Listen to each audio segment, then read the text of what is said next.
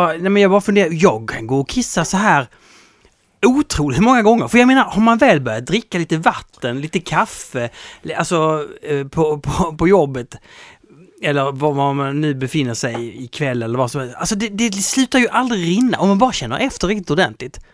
Då är det ju kiss på gång. Ja, man kan ju alltid kissa om man känner för det, känner jag. Du känner så? Ja, det känner jag. Men jag Men- kissar jättemycket, men jag har ganska liten blåsa tror jag. Ja, det är inte att vi är gubbiga och får någon sorts eh, sån... Ja, det är, jag vet inte. I sådana Nej. fall har jag alltid varit gubbe tror jag. Ja, Mm. men jag också. Mm. Det är någonting som har hänt för att vara så här ändå lite äcklig och privat är att nu när man kan, när man, om man, om man sä- säger att man spelar något så här lökigt spel på telefonen. När man, man kan ju sitta och kissa superlänge.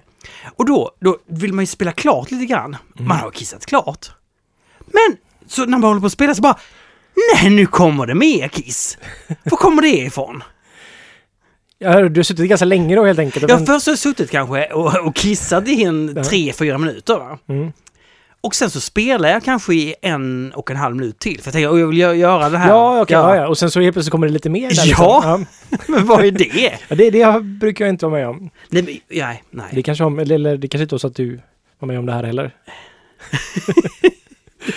Du, förra gången så Ja. sa du ju att tröttnaden låg som en eh, ett, två, tre lager filtar över, över dig. Ja. Hur, då, då undrar man, nu har du ju gått ytterligare tid och någon semester har du ju inte haft väl? Nej, men det, den, den är kvar kan jag säga. Den är tröttnaden är kvar. Tröttnaden är kvar. Ja. Men man skulle kunna tänka sig att du kan gå in i en vägg, att du kan liksom göra misstag, att du kan Ja. köra på fel sida vägen. Ja, kanske inte, ja. Nej men jag, ja så här utarbetad har jag nog inte varit tror jag på länge. Nej, Så det ska bli skönt att jag har semester nästa vecka och har det i tre veckor. just det, tre veckor. Ja. Men du, eh, hatar du... Men för jag, jag tänker så här att man börjar liksom hata det man gör och man... Nej, så. det gör jag inte. Jag tycker det, det är mest bara att det, det jag märker mest är att jag har noll stress nu, stresströskel liksom. Så att ja, jag kan inte riktigt hantera om det händer två eller tre saker samtidigt så blir jag, då stänger bara hjärnan av helt plötsligt. Ja, Ja. just det. Ja, Istället för att man löser det bara liksom. Det är mest. det låter jättejobbigt. Ja, men det är lite jobbigt faktiskt. Ja, lite... Ja, okej. Men jag tror också Mm. det är lite så här, jag, jag vet ju om att det är så nära semester nu. Jag vet ju när jag har sprungit så här långa lopp typ, så här, när Mm. man vet om att nu är det bara, nu är det två kilometer kvar, man har liksom sprungit fyra mil på ett maraton och så är det Mm. två kilometer kvar och helt plötsligt bara så här, nu, nu är, då är kroppen liksom, har redan gått i mål på något sätt, så de här sista två kilometerna blir extremt mycket jobbigare än vad, vad de borde varit. Ja, inte tvärtom att du ser ljuset och därför Nej, nej, utan du. kroppen tvärtom. bara Ja. tror att man, man, Ja. man liksom mentalt så här, det är så lite kvar nu. Så att den redan tror att man är i mål liksom och då blir de här sista två ännu jobbigare. Nej, Ja. Lite så är det tror jag. Så jag vet ju om att jag ska ha semester. Och bara Mm. tack vare att jag vet om att jag ska ha semester så blir det, har jag liksom redan börjat Det blir koppla av. svinajobbigt. nu på semestern börjar jag springa, på tal om Ja. maraton. Eh, springer varannan dag. Det är bra. Och jag är superseriös. Ja. Jag känner det i vaderna nu liksom när vi står här. Eh, Att du är jag, trött eller att nej men att jag körde ett, du extra eh, spänst jag körde norska intervall igår. Mm. Alltså Fyra gånger fyra eller? fyra gånger fyra, alltså fyra minuters hård löpning upp i, näst, eh, upp i 95 procent i, eh, 90-95 procent Man ska väl ligga på 80 tror jag va? Jag ligger på 90-95. Ja, okej. Ja, ja, okej. Man kan, ja, ja, del i. Och grabbarna kanske låg på 80. Men jag, jag ligger på 90-95. Ja.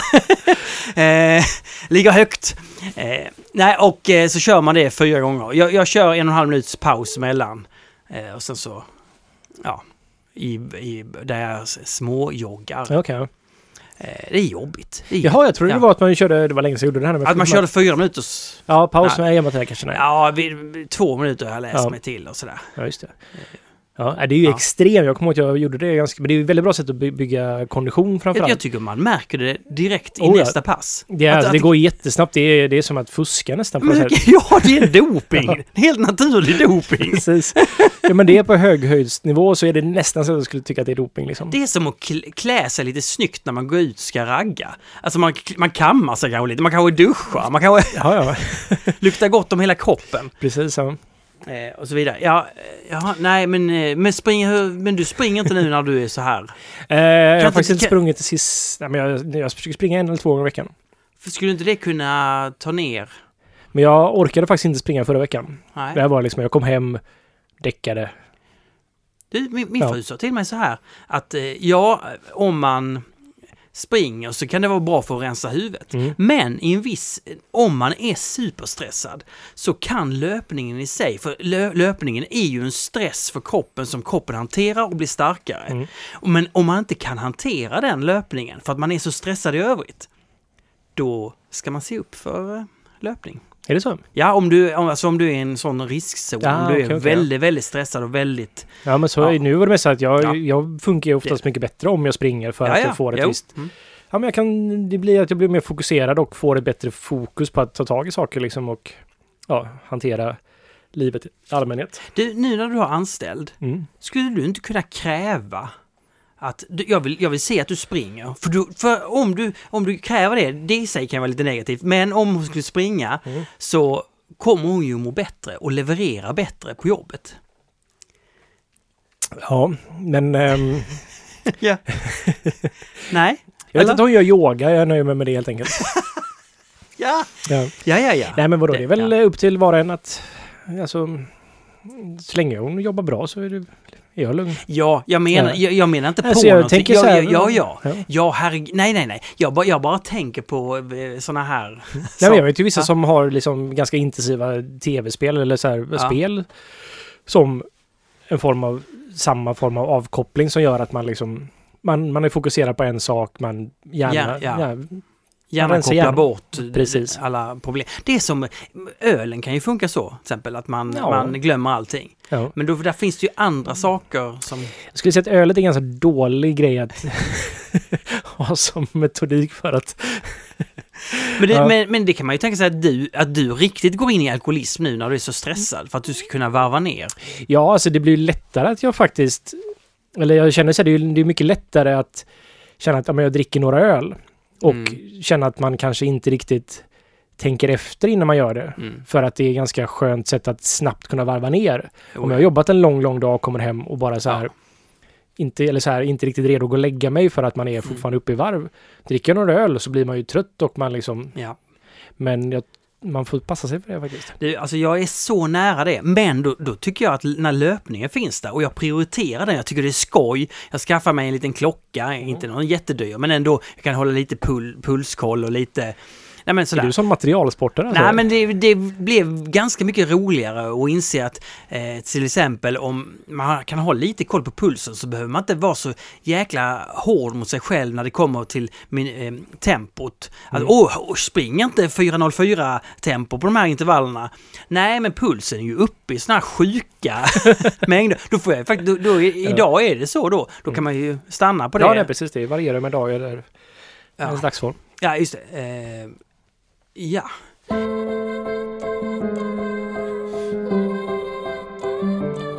Men berätta, vad, vad har hänt på bryggeriet sen sist?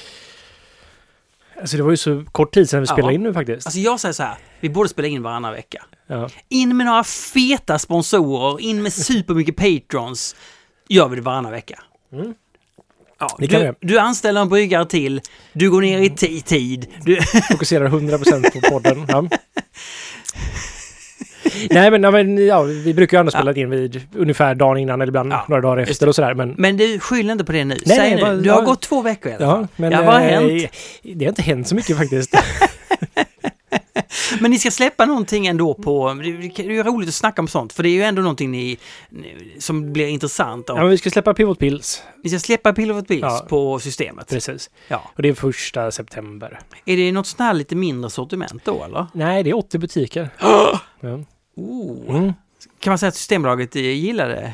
Ja, de, vi vann ju offerten då, för det, Ja, ja. det funkar ju så här att. Systembolaget har offerter ute en eller två gånger om året som är där alla bryggerier får liksom ja, skicka in sina öl för att om det, det kan vara en beskrivning. Så den här Pivot nu så vann vi Craft Lager max 20 kronor. Eh, en viss alkoholhalt ska vara under.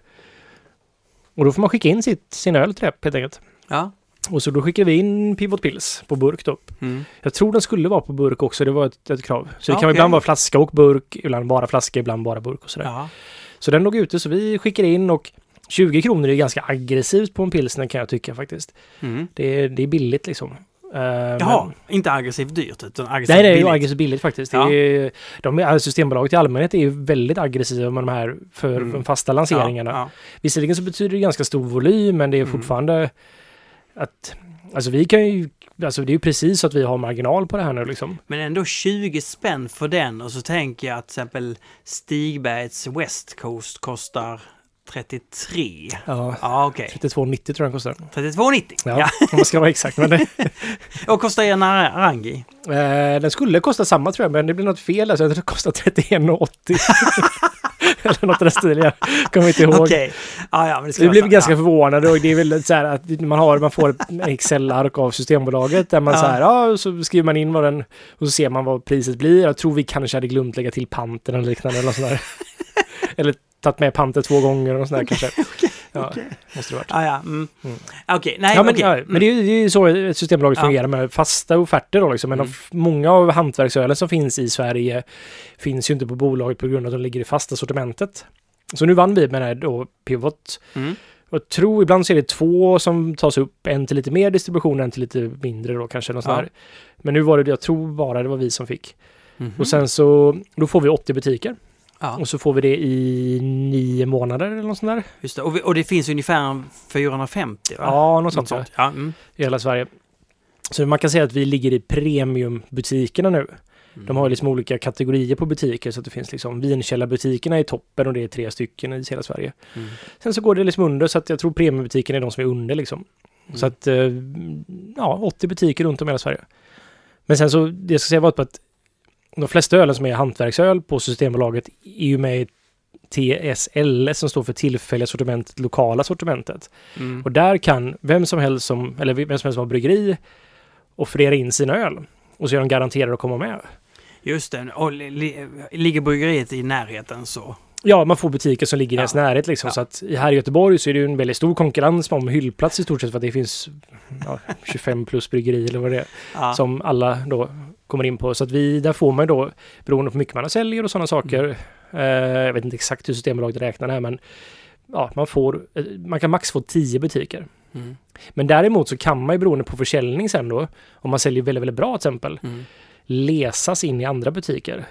Det här vet jag inte exakt hur det Så funkar. läsas? Ja, LES, lokalt efterfrågat sortiment. Jaha, Ja. okej. Jaha, ja. Och då kan man, får man, komma, får man mer butiker. Mm. Så kan man då, om man väljer att lägga över till beställningssortimentet och den fortfarande säljer bra eller säljer en viss volym, som inte de säger hur mycket det ska vara, men att då kan man faktiskt hamna i det fasta sortimentet. Och det är så Amazing Haze och West Coast till exempel kommit in i alla butiker, så de är väl nu nästan. Ja. Det är ju genom att kvala in från det lokala sortimentet in till det riktiga fasta sortimentet. ja. Och det har de gjort via att man har köpt öl till exempel. Just det. Just Ja. det. Så Narang till exempel ligger i det lokala sortimentet. Så där har vi en sex butiker och det är sånt, tror jag. Mm. Så att desto mer du köper som Narangi, desto mer butiker kommer den Och kanske kommer den upp. Men På är ännu det högre inte nivå. konstigt att den, den borde väl verkligen... Ja, eller det är ju inte konstigt. Alltså, Ta sig framåt, va? Ja, men vi har varit lite... Det finns ju lite strategi i det här också såklart. Så att vi har varit kanske lite ostrategiska. Eller vi har inte liksom fokuserat så mycket på det. Nej, men fokuserar ni nu då? Ja, men nu Pivot? fokuserar vi... Äh, Pivot, den, där får vi 80 butiker. då. Jo, men, månader- men fokuserar ni för att den ska sälja eller hur tänker Ja, ni? alltså efter nio månader så kommer den ju få antingen så om den säljer inget alls så halkar Mm. den ur då liksom. Ja, just det. Men om den fortsätter, om den säljer bra exempel, då Mm. får man ju mer butiker eller så får man ha kvar de butikerna som man hade liksom. Jag tycker färgen här, blått, gult, grönt Ja, och lite guld... Guld? Guld? Nej, det är inte guld. Brons. Nej, det är inte brons. Okej, det är en brun. Det, är en brun är det Martin. Är det Det är lite orolig för det Ja. där med, guld alltså. Det där är ganska klassiskt jordigt brunt. ändå. Jo, men du, du vet ju att jag, mina sinnen är ju väldigt speciella. Va? Ja. Du, eh, den, den, eh, den kanske ändå tar lite plats på hyllan. Ja. Sådär rent färgmässigt. ja, men jag tycker den blev bra faktiskt. Den blev lite annorlunda. Det, var, det blev lite stressigt med etiketten så att det var... Det. Det, var, ja, men det blir ofta ganska många iterationer på en etikett liksom. Och nu blev det mest som att så här. Det här blir bra, vi kör på den. Är det, Ja. är det en liten minigolfbana? Som, Eh, längst ner eller? Ja, det är väl, det är väl en... Jag, jag vet inte om... Jag, alltså jag har faktiskt inte frågat designen vad själva den grejen är, men jag, jag har tolkat det som en mask. på något sätt. En mask? Ja, men en pivot är ju att liksom man kan, om man pivotar så ändrar man ju riktning. Ja. Och det var ju lite det som vi anspelar på med namnet att vi gick från att göra Mm. Hazy IPA till att vi ville göra lager Mm. lite grann mer också. Ja, ja, ja. Då tänkte vi göra en pivot och så tyckte jag det var roligt att så här, vi satt faktiskt på Himmeriget i Köpenhamn jag och Olof. Ja, Jag tror jag har berättat den här historien. ja berätta. Men jag har inte jag berättat den jo, tidigare. jag tror. Ja. Men hur var det? Nu sitter vi där och så dricker vi en väldigt bra ställe i Himmeriget i Köpenhamn. Men det vet de flesta säkert. Att, och så satt vi där och så har de en tjeckisk öl på. Eh, då satt vi och diskuterade så här att det var roligt om vi kunde göra liksom en, ja bara en enkel, bra pilsner liksom. Mm. Sälja till krogar vi, där vi känner folk som, ja så de slipper köpa in, ja, stor stark från random bryggeri. Så jag sa, men det borde jag. Så satt jag och tittade och så bara såg man så här, pivo, bla bla bla någonting.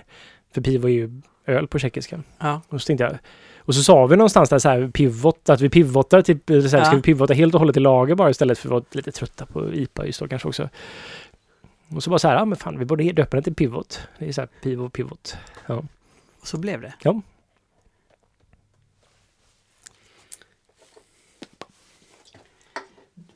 Men sen har vi ju faktiskt bryggt saison också. Jag dricker ju faktiskt Bohemia här nu. Ja, alltså vi får ta... Hur blev podden? Vi ska vi vill inte hålla på att dricka så här, Olle. Det är väldigt sällan vi dricker öl den här podden faktiskt. Ja, nej, jag... Ja. Jag, jag smakar på den här säsongen. Alltså, i, i och med att vi är en OO Brewing-podd. Ja. nej, men den smakar ju väldigt mycket säsong, du. Ja, men det tycker jag Man- den blev faktiskt. Ja. Eh, på, jag tyckte... Den var väl... Den, var, den här är lika bra som den här Stockholm Brewing-ölen? Eh, Ja, säg nu vad du tycker. Säg nu, tycker du om Nej, jag din? tycker det, alltså den, den, Bohemia är svår att jämföra med den. Det är liksom att, det är, Är det? väldigt lika öl på många sätt och vis. Men den här är 5 Stockholm Brewing är 6,2 kanske någon sån där. Ja. Eller 6. Men den är också så här. Den har lite andra, den har mer maltiga karaktäristiska drag som gör den lite spä, mer spännande tycker jag. Mm. Men samtidigt så är ju inte Bohemia till för att vara spännande. Nej, det är därför jag gillar den. Ja. Det är inte så mycket maltighet. Alltså, Nej, det här är ju, det här är ju Bohemia syftar ju på att den är en, alltså en Bohemian pilsner är ju den tjeckiska pilsnern. Ah, det... Ja. Från Böhmen då helt enkelt. Böhmen. Precis. Och så tyckte jag så här, ja men det, det, här var ju en hembryggaröl jag gjorde på Palatsot väldigt mycket. Jaha. Det var ju den så här som var min, i och med att jag inte hade någon, eller jag tyckte det var svårt att göra lager på Palatsot. Så när jag hembryggde där så tänkte jag, jag kan göra kanske en saison. Och så bara så här använda SAS och pilsnermalt 100% en smash helt enkelt. Och single malt and single hop. Så gjorde den och den var väldigt uppskattad. Speciellt av kockarna kommer jag ihåg. De, de, de drack väldigt mycket av det. Ja, Ja. det, det, de kockarna är dina största fans. Det vet du. ja. Jag saknar dem faktiskt. Man saknar dem när man inte träffar dem. Mm. Ja. Så är det. Nej men så det, det var bara och sen så, ja, i och med att det då är som ett pilsnerrecept med liksom SAS och pilsnermalt och så, och nu är det faktiskt tjeckisk pilsnermalt, så passar det väldigt bra med Bohemia. Fast Bohemia brukar ju syfta på att det är en pilsner. Men vad men- menar du att du inte har haft den malten i den här ölen tidigare? Jag har haft pilsnermalt men inte den tjeckiska pilsnermalten som Nej, jag nej, har men det idag. är det jag menar. Mm, nej, det är, och är det någon skillnad? Ja det är det. Den har ju, den, den, pils, den, Mm. den är ju lite mer eh, maltig Mm. fast har samma ljusa färg och sådana saker. Den har lite intensivare maltighet, vilket jag uppskattar.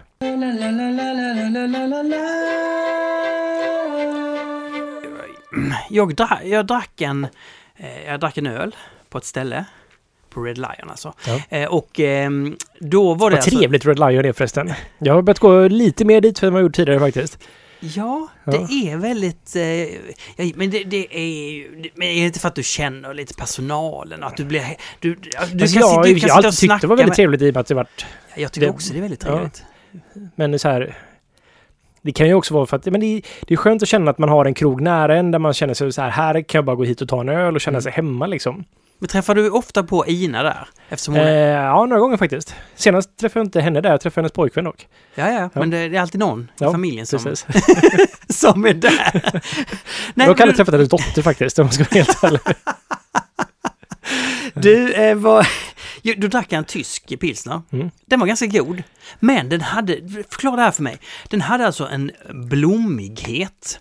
Alltså en blommighet som är ganska söt och lite så här inkännande. Jag ska, ska inte kalla det för kolasmak, men det är något... Eh, Och det var, inte, det var inte jätteäckligt på något sätt va. Men jag tänkte, ja men det, det här är ju en väldigt tydlig karaktär för en pilsneröl. Och då kommer jag att tänka på att, ja men det är så här Mariestad och Spendrups och eh, alla olika varianter och Carlsberg smakar. Den har ju den här blommiga, Mm, lite... Ja, Eller? eller? nej, jag ser inte att du är fel. Men... eh, Jag Nu- menar vet- att, jag, men, jag vill inte bara säga så här, nej men den här tyska pilsnern var, var god. Det var inte så att den smakade, men jag kände igen just den smakkaraktären. Mm. Att den kan, men det är den som all den här svenska massproducerade lagern smakar. mm. Jag vet, nu vet ju, det var ju Ajinger... den- Var det Ajinger? Nej, det var nog det Ja, måste det varit. Ja, okej. Vi, säger, vi säger det. Vi säger Ja. det. Mm. Och eh, det är en väldigt bra, jag kommer inte ihåg vad den heter, Jaru... Jarulull... Jarulull. Ja, nej. Ja. De har ganska konstiga namn på sina öl faktiskt, måste ändå... Eller jag som inte kan tyska tycker de är konstiga i alla fall. mm. De kanske Ja. inte alls är konstiga. Men eh, den är jättebra i den. Jag tyckte den var, den var lite trött dock, den som Ah, var okej. på Red Lion, för jag drack också den och den var lite pappig tyckte jag. Men den har ändå en ganska fräsch humleton. Det blommiga är ju humlen. Va? Ja, Är det? jajamän. Det är ju Ja, ja, den men- klassiska smaken av Ja, men i en Hum- Mariestad, är det, är det humlen jag smakar då som är det blommiga? Nej, alltså det kan ju också vara så här att det är lite gästigare i en Ajinger också. Jag använder ju samma Ah. gäst som Ajinger ska Mm. göra. Eller så här. Mm, Det ja. är svårt att veta om det är exakt Nej, samma, men ursprunget ska vara därifrån. Mm. Och, och den har ju ganska mycket estrar som gör sina lagerestrar. Det är inte alls samma sak som en ale-estra på det sättet, men det Mm. ger en lite fruktigare touch till det hela. Och jag tycker det är svårt att jämföra den med, alltså visst det är ju alltså ljusa pilsners liksom vi snackar om här. Men jag tycker den är ganska långt ifrån hur en Mariestad eller liknande är. En Mariestad brukar ha, för mig ha väldigt lite humle i sig. Och ganska mycket estrar faktiskt. Och sen en ganska mycket mer maltigare touch som inte upplevs sådär alltid jättefräsch tycker jag. Okej. Ja. När du nu nämner Ester så fick, vi, fick jag en fråga inom följdfråga Ja. på Instagram att eh, hallå vad är ni Estersmak för någonting egentligen? Jag vet, jag, jag vet, jag tänker bara att det är Ester, då tänker jag ja det är smak. Men, men Olle, utveckla. Jag är, nu är inte jag någon kemist på något sätt så här och Nej, om jag ska vara helt ärlig så tyckte jag att kemi var det absolut värsta som fanns i skolan. okej. Ja, Ja. Det var, nej, men jag, jag kommer ihåg det, det var när jag läste gymnasiet så kommer jag ihåg att så här, jag med nöd och näppe klarade mer än kemi A då. Och så Mm. kom vi till kemi B. För liksom ingenting är logiskt i kemi. Det är bara så här, Men det är ju Det- det, det du var- håller på med varje dag. jo men det jag insåg var ju så här någonstans sen att och så kom läraren in och sa så här, ja ah, nu kan ni glömma allting ni har lärt er kemi A för nu ska vi ni lära er kemi B. nu, nu, nu ska vi läsa kemi B och här ska ni få lära er hur allting är på riktigt. Och då var jag så här, nej, nu skiter jag i det här. Ja. Och hoppade av och bytte till samhällsvetenskaplig linje istället. Ah, Mm. mm. Och gick om ett år i skolan och sådär. Men Men i alla fall, det du vet om Ester är ändå... är ju att det är, alltså om man snackar om inom öl då, det här är ju de fruktiga aromämnena. Fruktiga aromämnen. Precis, så Ah. det är liksom så här, det är ganska lite skillnad på det. Jag kommer ihåg det när vi läste kemi då, att man, man fick göra egna estrar. Mm. Så man blandar olika molekyler med varandra, eller ämnen med varandra som har olika, och då bildas det de här grejerna och det var så här, men här är jordgubb, här är liksom och så och luktade på banan och det var så här, det, det, det var det vidrigaste jag har luktat på. Det var som superkoncentrerad Mm. skumbanan liksom. Väldigt kraftig Ja, smak. nej men så det är helt enkelt de fruktiga smakerna. All frukt har estrar som gör att varför päron luktar päron, det är liksom en typ av ester som har bildats i päronet. Mm. Så luktar päron helt enkelt för oss. Och medans, och man pratar oftast då med saker som kan lukta öl och jäsningen bildar de här estrarna kan man säga. Mm. Det är liksom, ja, det sker som en naturlig process. En saisonjäst till exempel, i det här fallet har en liten pepprighet kan den ha liksom i aromen. Mhm. Den kan också ha lite så här plastighet och sådana saker. Det brukar man kalla för fenoler. Men varken peppar eller plast är ju någon fruktig. Nej, precis, Nej. men det är precis därför är det fenoler. Så man brukar snacka om Ah. estrar och fenoler. Estrar är Aha. ganska angenäma. Mm. Fenoler kan vara lite kryddiga och sådär men Ja, det, det, det är sånt som bryggare gillar. När, när det börjar få sådana dieseltoner och du bara bryggare, åh gott det här är, jag kan dricka jättemycket. Nej, man, som Nej. bryggare brukar man vara, om man får fenol i en öl, förutom en saison då till exempel, Ja. så blir man så här, oh fan, det här är inte Ja. bra. Det här är, då får man, då, då, då börjar man svettas. Du, Ja. ehm, Så estrar bra, fenoler dåliga i en ale till exempel, en vanlig ale. Men i en saison så kan vara lite fenoler vara bra. Du jag hörde att, eh, att ha i eh, passionsfrukt Mm. i en eh, IPA är fruktansvärt dåligt. Det var Jagge, vår, vår vän. Ja, han är klok Jagge på många, många sätt och vis, men inte alltid, men för det mesta. Vad säger du om det? Vadå? Att, att passionsfrukten Ja, är, ehm, att den har en sån syra. Alltså så här, det är en sån jävla sur eh, frukt så att det går inte att Nej, ha jag i håller den. den och ananas förstår jag inte att folk försöker ha i öl överhuvudtaget egentligen faktiskt. Men har inte Brewski en eh, IPA som är... Alltså de har säkert en ananas passionsfrukt IPA om jag känner dem rätt liksom. Men Heder åt dem! De ger inte upp! Nej, det var det. Var det. nej men... Eh, eller, både ananas och passionsfrukt är ju fruktansvärt surt. Ja. Och det är också två frukter jag inte tål på ett sätt och vis. Eller passionsfrukt ja. kan jag äta men jag tycker inte det är speciellt gott. Du blåser inte upp i ansiktet och blir röd? Nej, men min tunga mår inte bra av det. Speciellt ananas. Det är som att eh, jag brukar jämföra med att bita i typ aluminiumfolie för mig liksom. Va? Ja. Ja. Prova, prova gör det en gång. Ja, men, nej, men, den, ju, ju, bita i aluminiumfolie. Ja. Ja, det kan jag göra. Men, men, men, men för jag tycker ananas är en... Jag, jag får, blir lite svettig av ananas. Alltså okej. jag, jag reagerar på det. Men jag tycker det är den bästa frukten. För att den har den, har den här jättehöga syran. Och så får man ta i rätt ananas så har den också en sötma. Mm. Men visst, den är supersur. Ja. Nej, men det är mest alltså, jag kan uppskatta typ doften av ananas faktiskt. Mm. Men alltså jag hade det ganska länge för jag visste bara om när jag var liten att så här, att ananas det är så här, det vänder sig i munnen. Det är bara som att min, min Ah, första ja. reaktion är så ganska stark att det här måste jag spotta ut för att det här är som om du äter kött som är dåligt så känner du det jättesnabbt att Ja. det här ska du inte äta. Mm. Ungefär samma reaktion fick jag när jag var liten på ananas. Okej. Så jag åt inte ananas på jättelänge. Så jag var backpack i Asien. Och så kommer jag ihåg att så här, det var vissa maträtter bara så här, fy fan vad det här smakar. Jag bara är det är något fel på den här? Det här kan vi inte äta upp. De bara, det här är ju jättegott. Jag bara, men vadå? Så till slut insåg jag att det var ananas i den. Och jag kunde inte ens identifiera att det var ananas, för jag kommer inte ens ihåg hur det smakade. Jag visste ju bara om att ananas kan inte jag äta liksom. Okej, så om man då säger att ananas och passionsfrukt, Mm. det ska man ta i. Men, men, Men- då är det inte men- så att mango Men en sak till med ananas, eller med passionsfrukt då, det som är det värsta med passionsfrukt, det är att det smakar spya. Ja, den detaljen. Ja, Ja. och det är ju den butyric, but, den sy- syran som luktar som spya helt enkelt, ja. som galla har. Och det Ah. finns ju jättemycket i passionsfrukt. Och jag kan tåla det när jag äter passionsfrukt, speciellt med glass eller någonting till det. Så här, jag har svårt att äta ren passionsfrukt. Mm. Men med glass eller något annat till så kan jag tycka det är ganska gott. Men däremot om man tar i en öl Mm. så är det ju bara spy karaktärer som sitter kvar liksom, tycker jag personligen. Nej, så det, det funkar inte för mig. Ja.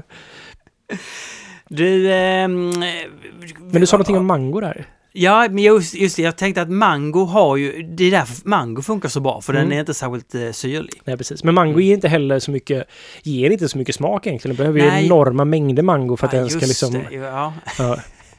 Så vi, vi gjorde ju faktiskt, jag har gjort mangoöl på Stiberget. Eh, Vad hette den? Den hette ju... Jag kommer inte ihåg. Jo, jo men... ehm, Vi gjorde en Hefeweizen med mango i vet jag. Ja, men, men jag tänker på den här, den sista, men den här sista, nej men den här med, nej det var hån, nej men ehm, den som... Lumor. Lumor, hade Det inte var ju bara hår, nej det var bara honungen. Det var hån. Ja. Lumor. Men vi gjorde en för en krog i Göteborg. Det var ju liksom innan Stiberget var så stor. Jag kommer ihåg att Mm. jag blev liksom lite grann tvingad till att göra det här. Jag, jag, jag stret emot så mycket jag kunde faktiskt. Eh, men där hade vi mango puré i och Mm.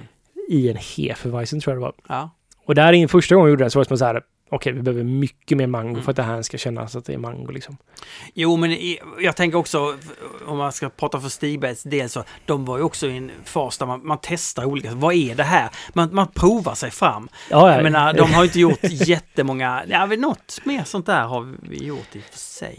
jag Ja, jag, jag tycker det känns lite så just nu också. Så här, det är kasta spaghetti på väggen. Alltså det är inget fel med det. Det är väldigt roligt liksom. Men det är ju verkligen så här att man kastar ett gäng spaghetti på väggen och så ser man vilka som fastnar. Och så, Ja, så det är, Mm. på det sättet är det ett superspännande. Det är ett superspännande bryggeri på det sättet Ja. att, att det är, man vet inte vad som ska hända. Mm. Och, det finns, det är, men det finns väldigt många bra näsor i vädret och det gör att det, det händer ofta. Ja, hur som Ja, helst.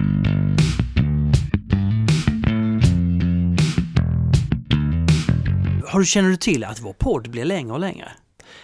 Eh, Har du, har du kollat in längderna på, på avsnitten? jag har inte reflekterat så mycket över det faktiskt. Jag tycker det är bra. Alltså, jag lyssnar ju på podcast Jo, som är vet, och jag- vansinnigt långa. Jag, Ja, jag, just nu så lyssnar jag faktiskt på en, ehm, en dokumentär som den, den, pratar om paranormala saker och sådana saker. ja, Men nu har de en fem episods, eller har haft det tidigare så jag lyssnar på den Ja. i efterhand liksom. Men att det är fem avsnitt om Bigfoot. ja, Speciellt en, en enda film om Bigfoot. okej. Som är kanske ett av de bästa bevisen för Bigfoot. Ja, Så det är liksom tio timmar med, tio timmar. ja.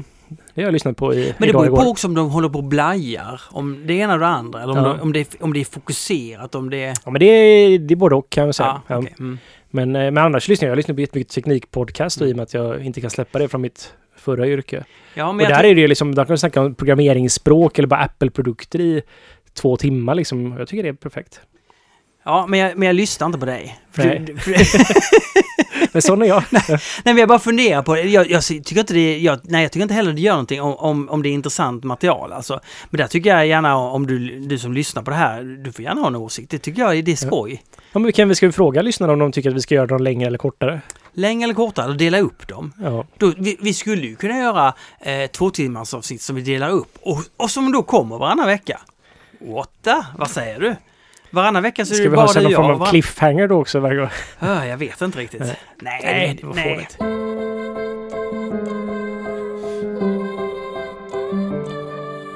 Du, nu har vi fått in frågor igen. Mm. Eh, jag tänker att vi matar på här innan eh, Fredrik kommer och går som ett, eh, en människa utanför lejonburen här. Mm. Ehm, Tjocka Doris.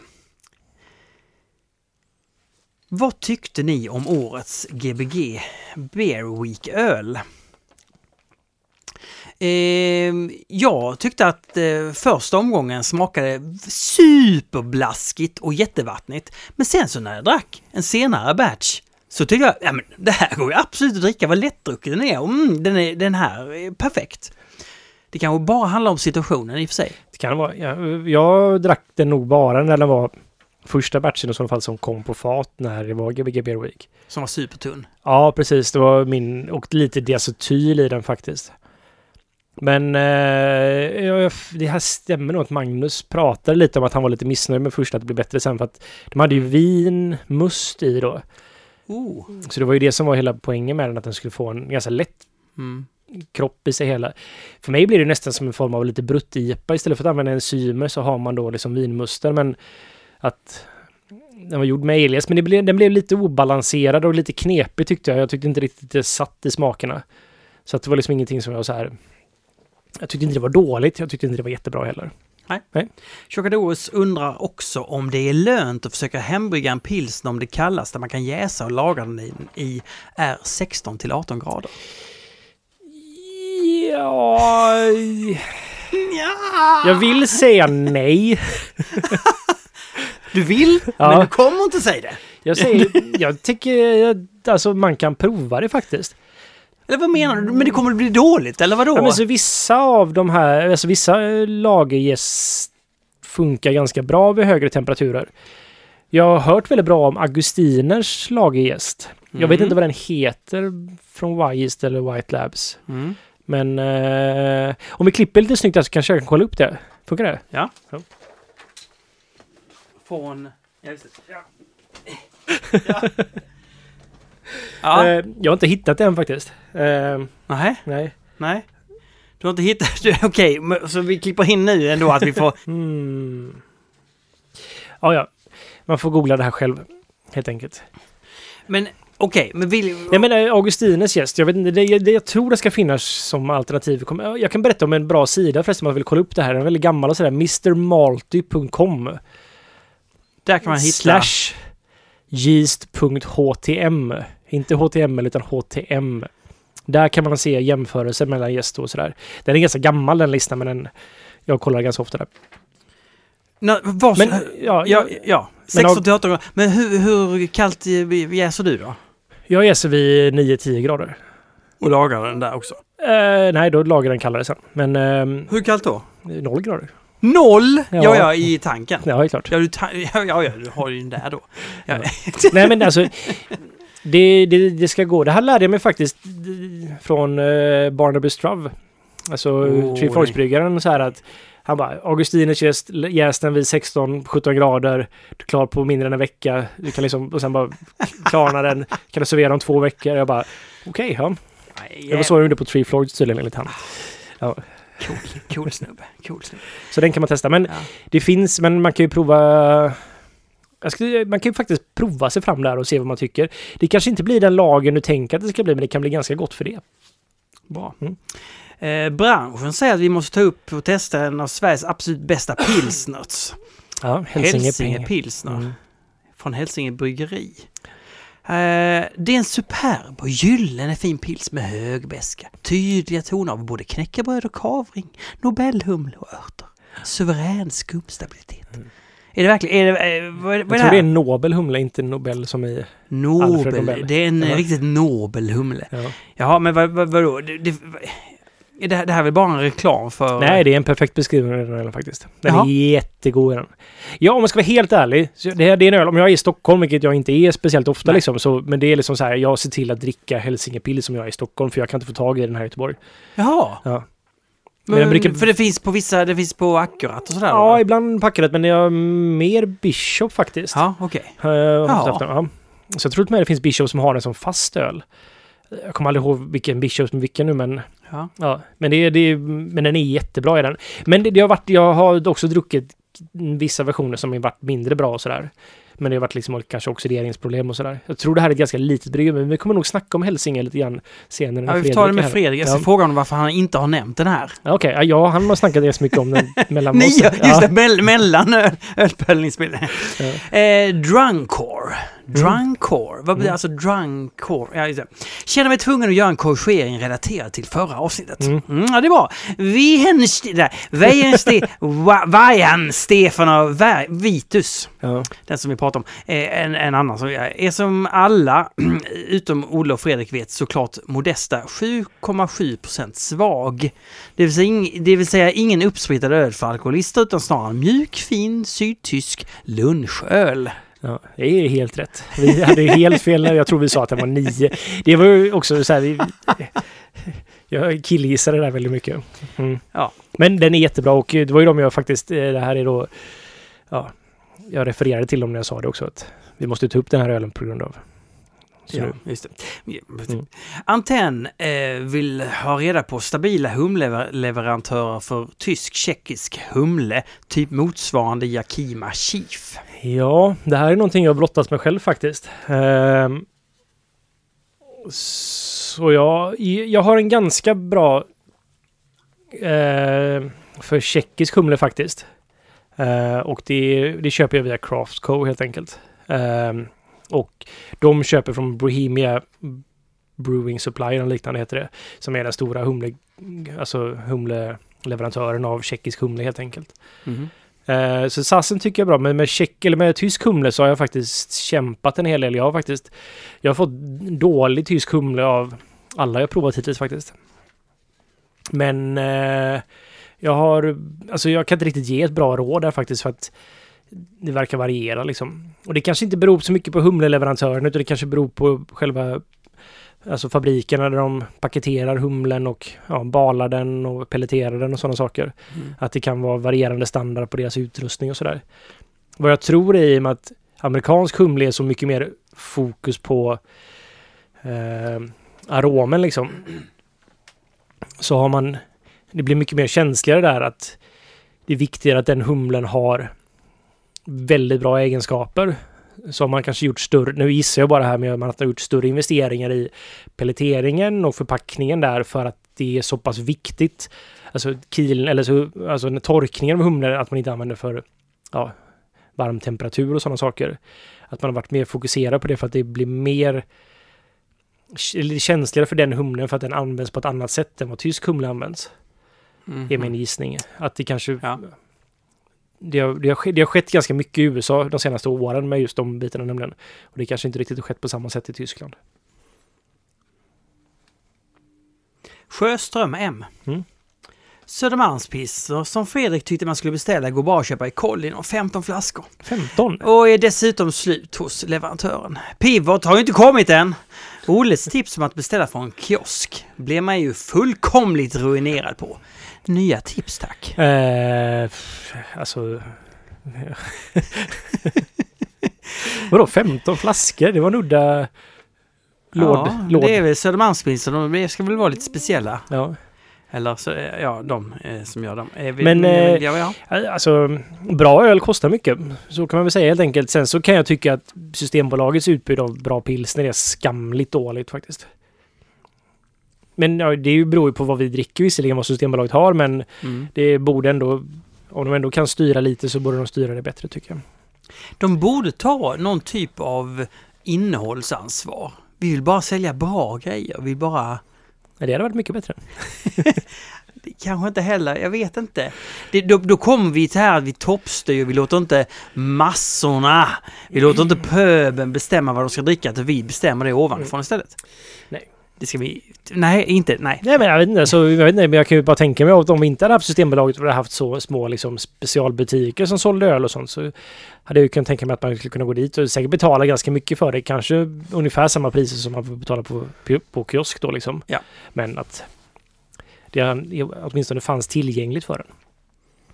Men Vilket inte gör idag för att det finns Nej. inget på Systembolaget Men riktigt. jag tror, hade man släppt det fritt så, så hade visst det hade funnits några specialbutiker, men de flesta hade bara, vad kan vi sälja mycket av? Vi ska bara ha det här, vi ska inte ha ett stort sortiment. Ja, nej. nej Men- självklart.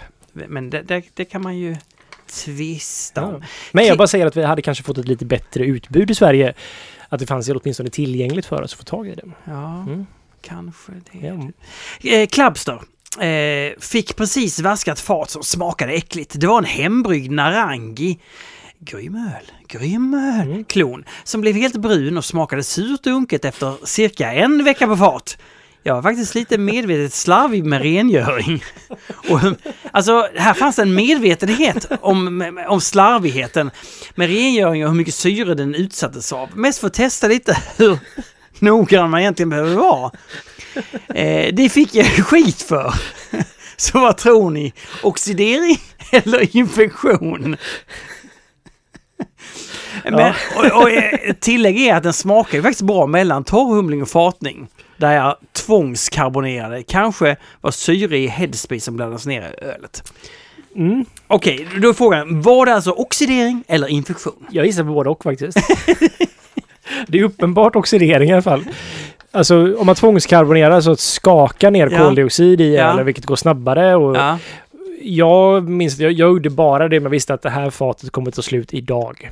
Ja, okej. Eller så här att det här kommer, det här är 18 Men jag liter. det här är ju helt underbart. Att, Ja, det var att, försöka- att, att undersöka. Ja. Vad händer om man inte... Precis, man ska ju testa allting och Ja. man ska väl även testa det liksom. Det är ju, ja.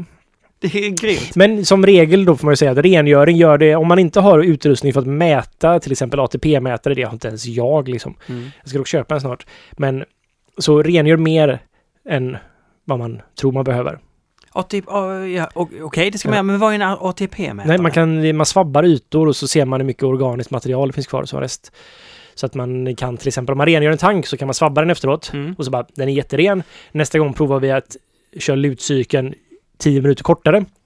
Svabbar rent. Vi provar 10 minuter kortare. Mm. Okej, det här var under gränsen för vad vi tycker är bra. Då vet vi att vi behöver åtminstone göra så här lång tid. Och då har man sparat jättemycket energi och man har sparat tid under en dag liksom. Men hur mäter man? Har den ett munstycke man trycker mot eh, en yta? Ja men det är som en tops liksom. Så man, man, man, det man drar den på ytan. Ja. Sen stoppar man ner den i en grej som har någon Ja. vätska i. Sen stoppar man ner den i en mätare som mäter ATP. Då. ATP är ett ämne som finns i alla eller så här biologiska... Ja, eller bio, ja, organiskt material helt enkelt. Okej. Det är för att transportera någonting eller liknande. Klaps har en fråga till. Mm. Hur är det bäst att förvara öppnade humlepåsar med pellets? I kyl 5 grader eller frys? Frys. Frys. Desto Johan- kallare desto bättre. Brukar man säga. Det är, alltså kring noll funkar jättebra. Det är alltså... Mm. Du ska inte ha humle så länge att det påverkas om du har vid noll grader liksom. Då gör du fel. Det bästa är också dock att man aldrig ens öppnar en påse. Se till att jag kör till exempel det enda humlen jag stoppar in i en kyl igen. Eller jag har ju all humlen i en kyl som håller typ 0 till 2 grader. Mm. Men vi har ganska snabb ruljans på vår humle. Den tar Ja. slut på ja, ungefär tre månader. Jag gör typ fyra avhämtningar per år. Så att då behåller den sig färsk vid 0 till 2 grader där. Men jag skulle aldrig liksom öppna en påse, ha hälften, stoppa tillbaks det i kylen till exempel. Nej. För då har jag oxiderat humlen. Men det enda humlen, jag, jag, jag kan göra så med typ bitterhumle. Så där har jag den då använder jag ett kilo gånger. Så annars så ser jag torr, se till att torrhumla i liksom fem kilos intervaller liksom så att Mm, jag okej. gör alla recepten så att de har Jo, jo, men... men 5, men, 10, 15, men 20. lite oxider, om du stoppar in den oxiderade humlen i... Eller du har bara utsatt den för syre. Mm.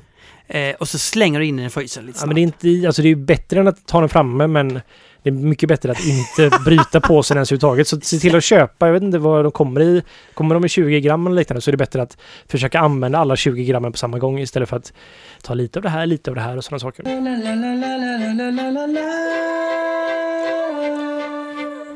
Johan Cederholm undrar Påverkar partiklar i vörten OG?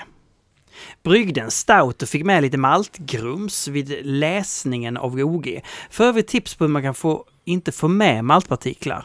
Bygg, brygger en Cobra Brewer. Är för hårdhänt med sleven? Är malten krossad för hårt? Ehm, ja, malten kan ju vara krossad för fint liksom, att man har Okej. gjort för små partiklar. Det, Ja. det där är en ganska känslig grej men i, jag vet inte vad en kobra är. Jag Nej. tror det är någon form av liknande typ Braumeister-grej. Att man gör allt i samma kärl och då cirkulerar man ju vörten och lakar och liksom Mm. i ett och samma. Det viktigaste är att man inte får med sig skal i, eh, i koket. Mm. Okej. För det kan ge tanniner i ölen. Eh, att få med sig lite maltgrums ska undvikas men det är inte den, det värsta som kan hända liksom. Nej, så partiklar i vörten påverkar inte OG så mycket? Ja, eh, alltså det där är... Eh, om det är löst, alltså OG när man mäter sockervolymen, man mäter Mm. liksom densiteten mäter man Mm. på vörten. Och den här densiteten då, om den är noll i vatten liksom. Men om det går över det då liksom, Mm. den har tjockare densitet så flyter den här med en grej man mäter med upp liksom Mm. hydrometern. Och då kan man läsa många ja, procent tjockare det är än vatten då liksom. Om man mäter i Plato. Och i, i, man kan säga, men det vi gör är så att ungefär det här, allt det där är socker. Det kan vara andra saker också liksom. Som inte är socker. Men det skiter vi i. För det är så lite. Men om det inte är helt lösta, eller så här som att de har liksom om det är partiklar verkligen så påverkar inte det ogräsmätningen. Okej. Ja. Ah, Ja, det var... Det var frågorna. Det var, Ja. inte, det var inga trista frågor du. Nej, det var ganska bra frågor. du ja, nu har jag en fråga så här. Mm. Vi, nu testar vi här. Kan, om du tar din telefon. Ja. Har du, du har också så här. Och så tar du fram röstmemon. Så gör vi så här att röst... Med, jag tänker så här nu. När vi åker till, vi åker till Bamberg. Du, det känner du till? Va? Men Har du fått... Du kan inte... Du, kan inte, du måste ignorera det som är på telefonen. Okej. ja. Ja, Östermen, just det. Vi åker till Bamberg. Just det. Ja. Ja. Om, ja. Vad, vad säger du om den här idén? Mm. Att vi, eh, jag vet inte om hur det funkar, vi- vilket tillstånd vi är i, Mm. förmögna och så vidare. Men man skulle kunna tänka sig att vi gjorde sådana här riktigt snabba, korta ölpöllenavsnitt varje kväll. Mm. Bara slängde upp det. Alltså, vi, vi pratar kanske 15 minuter långa avsnitt. Eh, Bamberg dag ett. Ja. Boom! Ja. Och då, då tänkte jag så här, ska jag ta med den här inspelningsutrustningen? Nej, tänker inte. Utan då, då, om, då kan vi tänka så här. Om vi ja men ta med dig stativ och Nej, men jag tänker om du tar fram... Kan vi inte ta med båset också så Va? vi får riktigt bra ljud? Nej. Du, om du tar fram röstmemon så kör vi igång den. Jag, jag hittar inte röstmemon. Nej, men har du någon annan sån här Eh. eh, inspelningsplugg? Hittar du inte röst? Ja, Där, där, där, voice. ja. Men jag, Mm. jag, jag sökte på röstmem. Jag har ju på Ja, ja. engelska här. Har du, har du på engelska? Ja. Jag har aldrig använt det tidigare Nej, faktiskt. så om vi sätter igång den nu. Mm. Är du igång? Kör du, rullar du nu då? Mm, ja, det är Ja. Nu pratar, nu pratar, om du håller, håller vi den så här. ja. Nu pratar vi. Ja. Eh, det här är nu i Bamberg. Vi pratar och då kommer det låta på det här sättet. ja. Och då tänker jag att du kan väl lägga in det här så, så att så är man lyssnare av det här så kan, man, kan, du känna så här. Ja, det här ljudet kan, kan vara okej. Ja, Mycket, mycket lättare inspelningsutrustning. ja Jag det. tänker att jag kan, och så kan jag ta med da- datorn så kan jag ha lite sköna pluggar som gör att det blir fett och fint. Yes. Men vi ska inte filma lite också där? Jag tänker lägga upp på Ja, YouTube. dina filmer. Ja, men jag tycker det, det är så fint där nere tror jag. Jag har aldrig varit där så att, men det ser fint ut på bilder. Jo, vi kan... Ja. Vi filmar. Kanske någon ja. intervju med någon... Ja, oh, här, oh. Ja. visst. På tyska då. Ja, just det. Ja, men Fredrik kan tyska va? Det kan han säkert, det hade inte förvånat mig. Ja, men det hade inte förvånat mig om han kan franska också. Mm. hade förvånat mig lite mer faktiskt, men Hade det? ja, det hade faktiskt. Jag tycker han har en liten är av att kunna köra en Citroën och så vidare. Men Ja. Du har, får mer tysk vibb ja. Mm. Mm. Ja men det är bra. Nej men eh, då är det väl kanske dags att släppa in honom.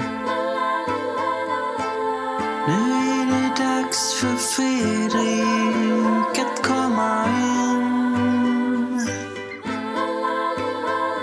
och rädda hela skiten.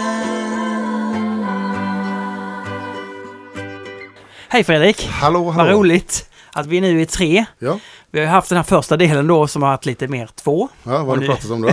Får höra sen.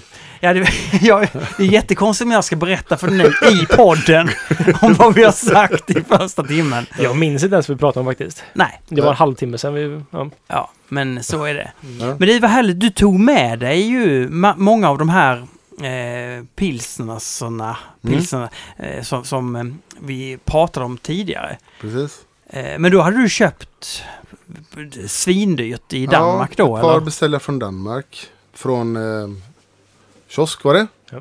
Några köpt på bolaget. Är det kiosk eller kiosk? Kiosk är det nog kanske. Ja. Ki- Kiosk. Kiosk. Legendariskt ölställe får man Ja, säga. väldigt roligt ställe. Ja.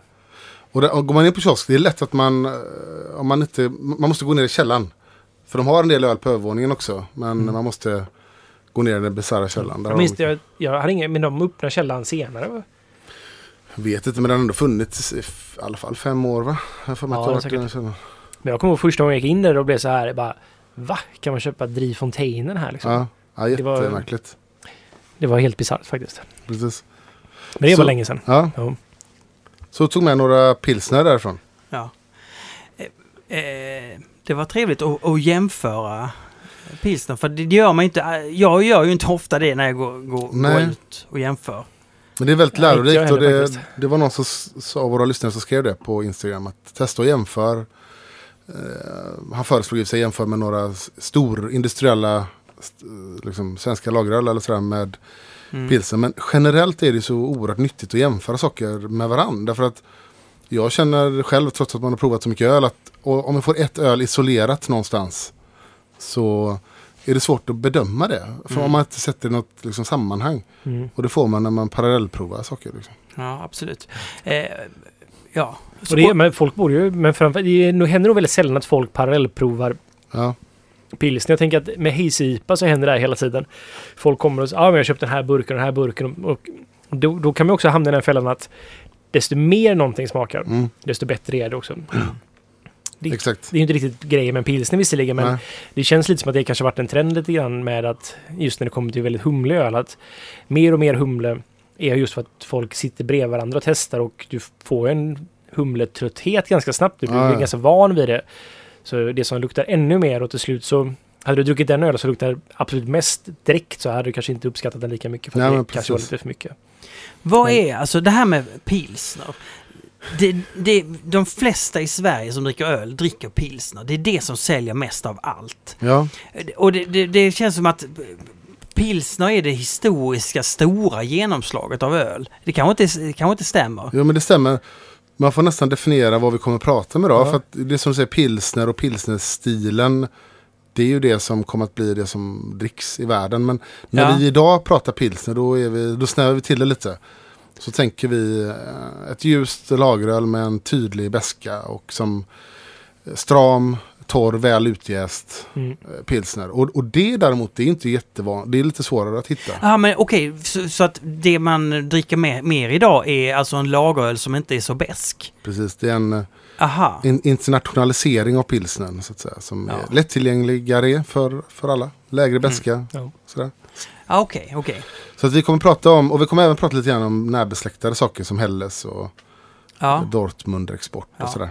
Men man har ju alltid hört att, att det är liksom i Urkel, det är i pilsen som det hände Ja. en gång i tiden. Det, det var alltså startpunkten. Det var startpunkten samtidigt som ibland så missförstås det där. Man säger att ja, det första lagerölet i pilsner Urquell, det var det ju inte. Eller det första ljusa ölet var pilsner Urquell.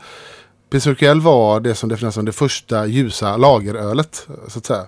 Men Ah. äh, lageröl har man ju gjort längre innan pilsner Urquell. Precis. Så man slog ihop två väldigt bra saker.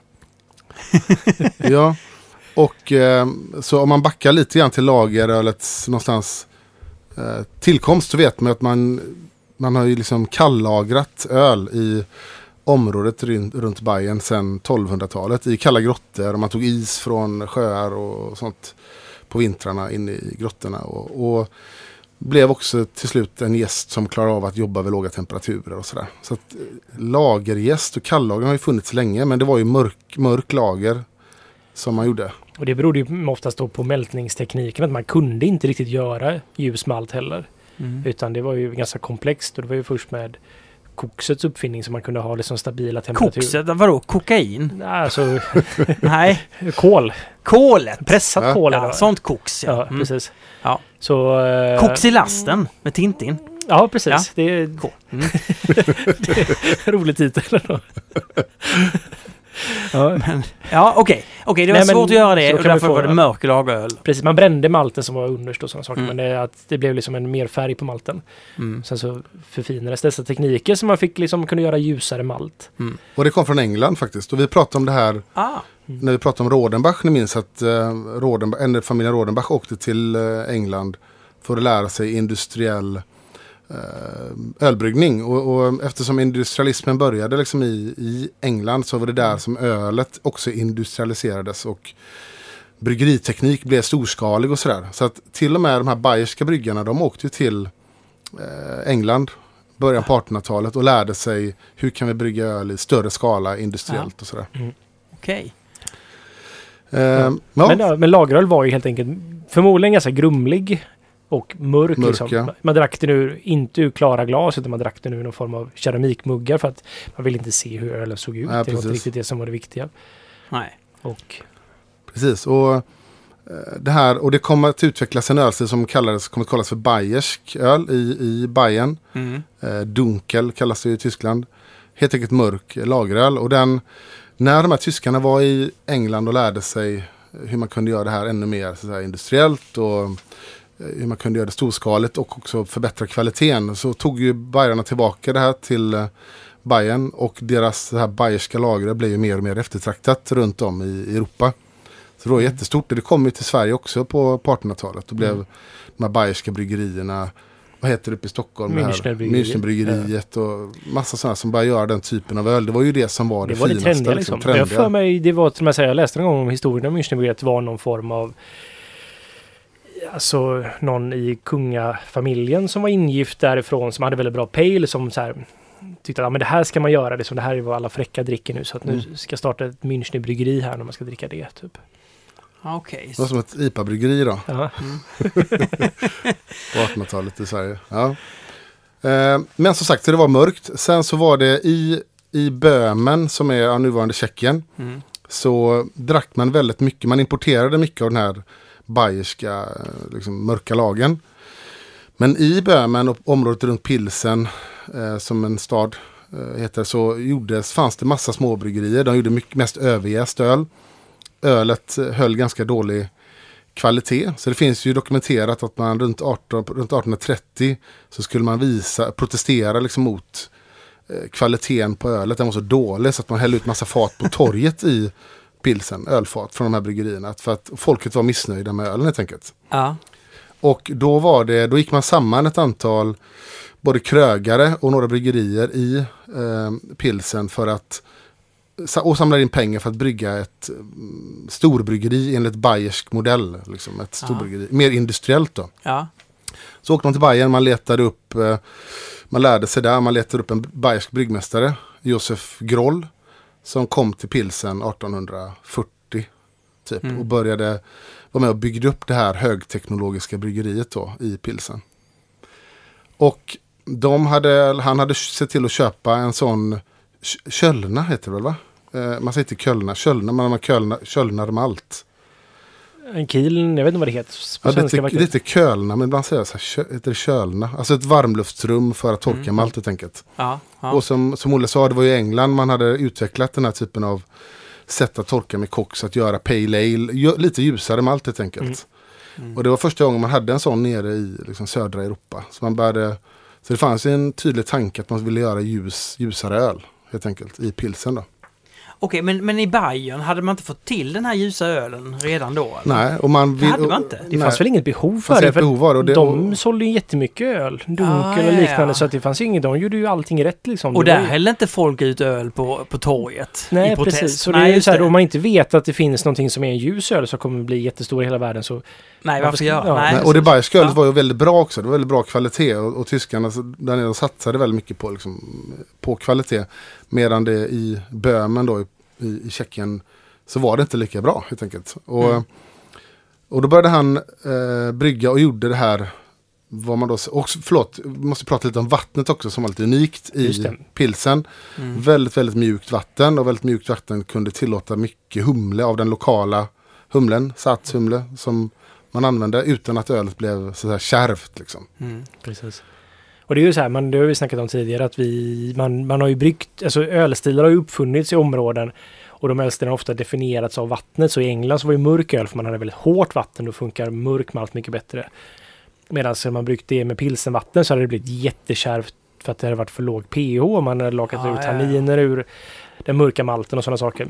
Så att Mm. vattnet har ju varit en jätteinfluerande roll i vilka öl, Exakt. eller vart ölstilar kommer ifrån egentligen och vad man har bryggt. Och på den här tiden så, så vattenbehandlar man ju inte. Och sen så har vi de tyska, hade vi de tyska renhetslagen och man fick absolut inte liksom, syssla med något, Nej. någon Nej. manipulation. Och sen är ju vattnet ganska hårt också då i södra Ja. Tyskland, vilket gör att det passar bra med mörk med det öl. mörka ölet, Ja. precis. Men hur som helst, den här grollbryggmästaren gjorde det här. De tog dit honom och de importerade de här, det här sättet att eh, fixa med malten. Mm. Och, och sen, Så gjorde han det här första 1842 november.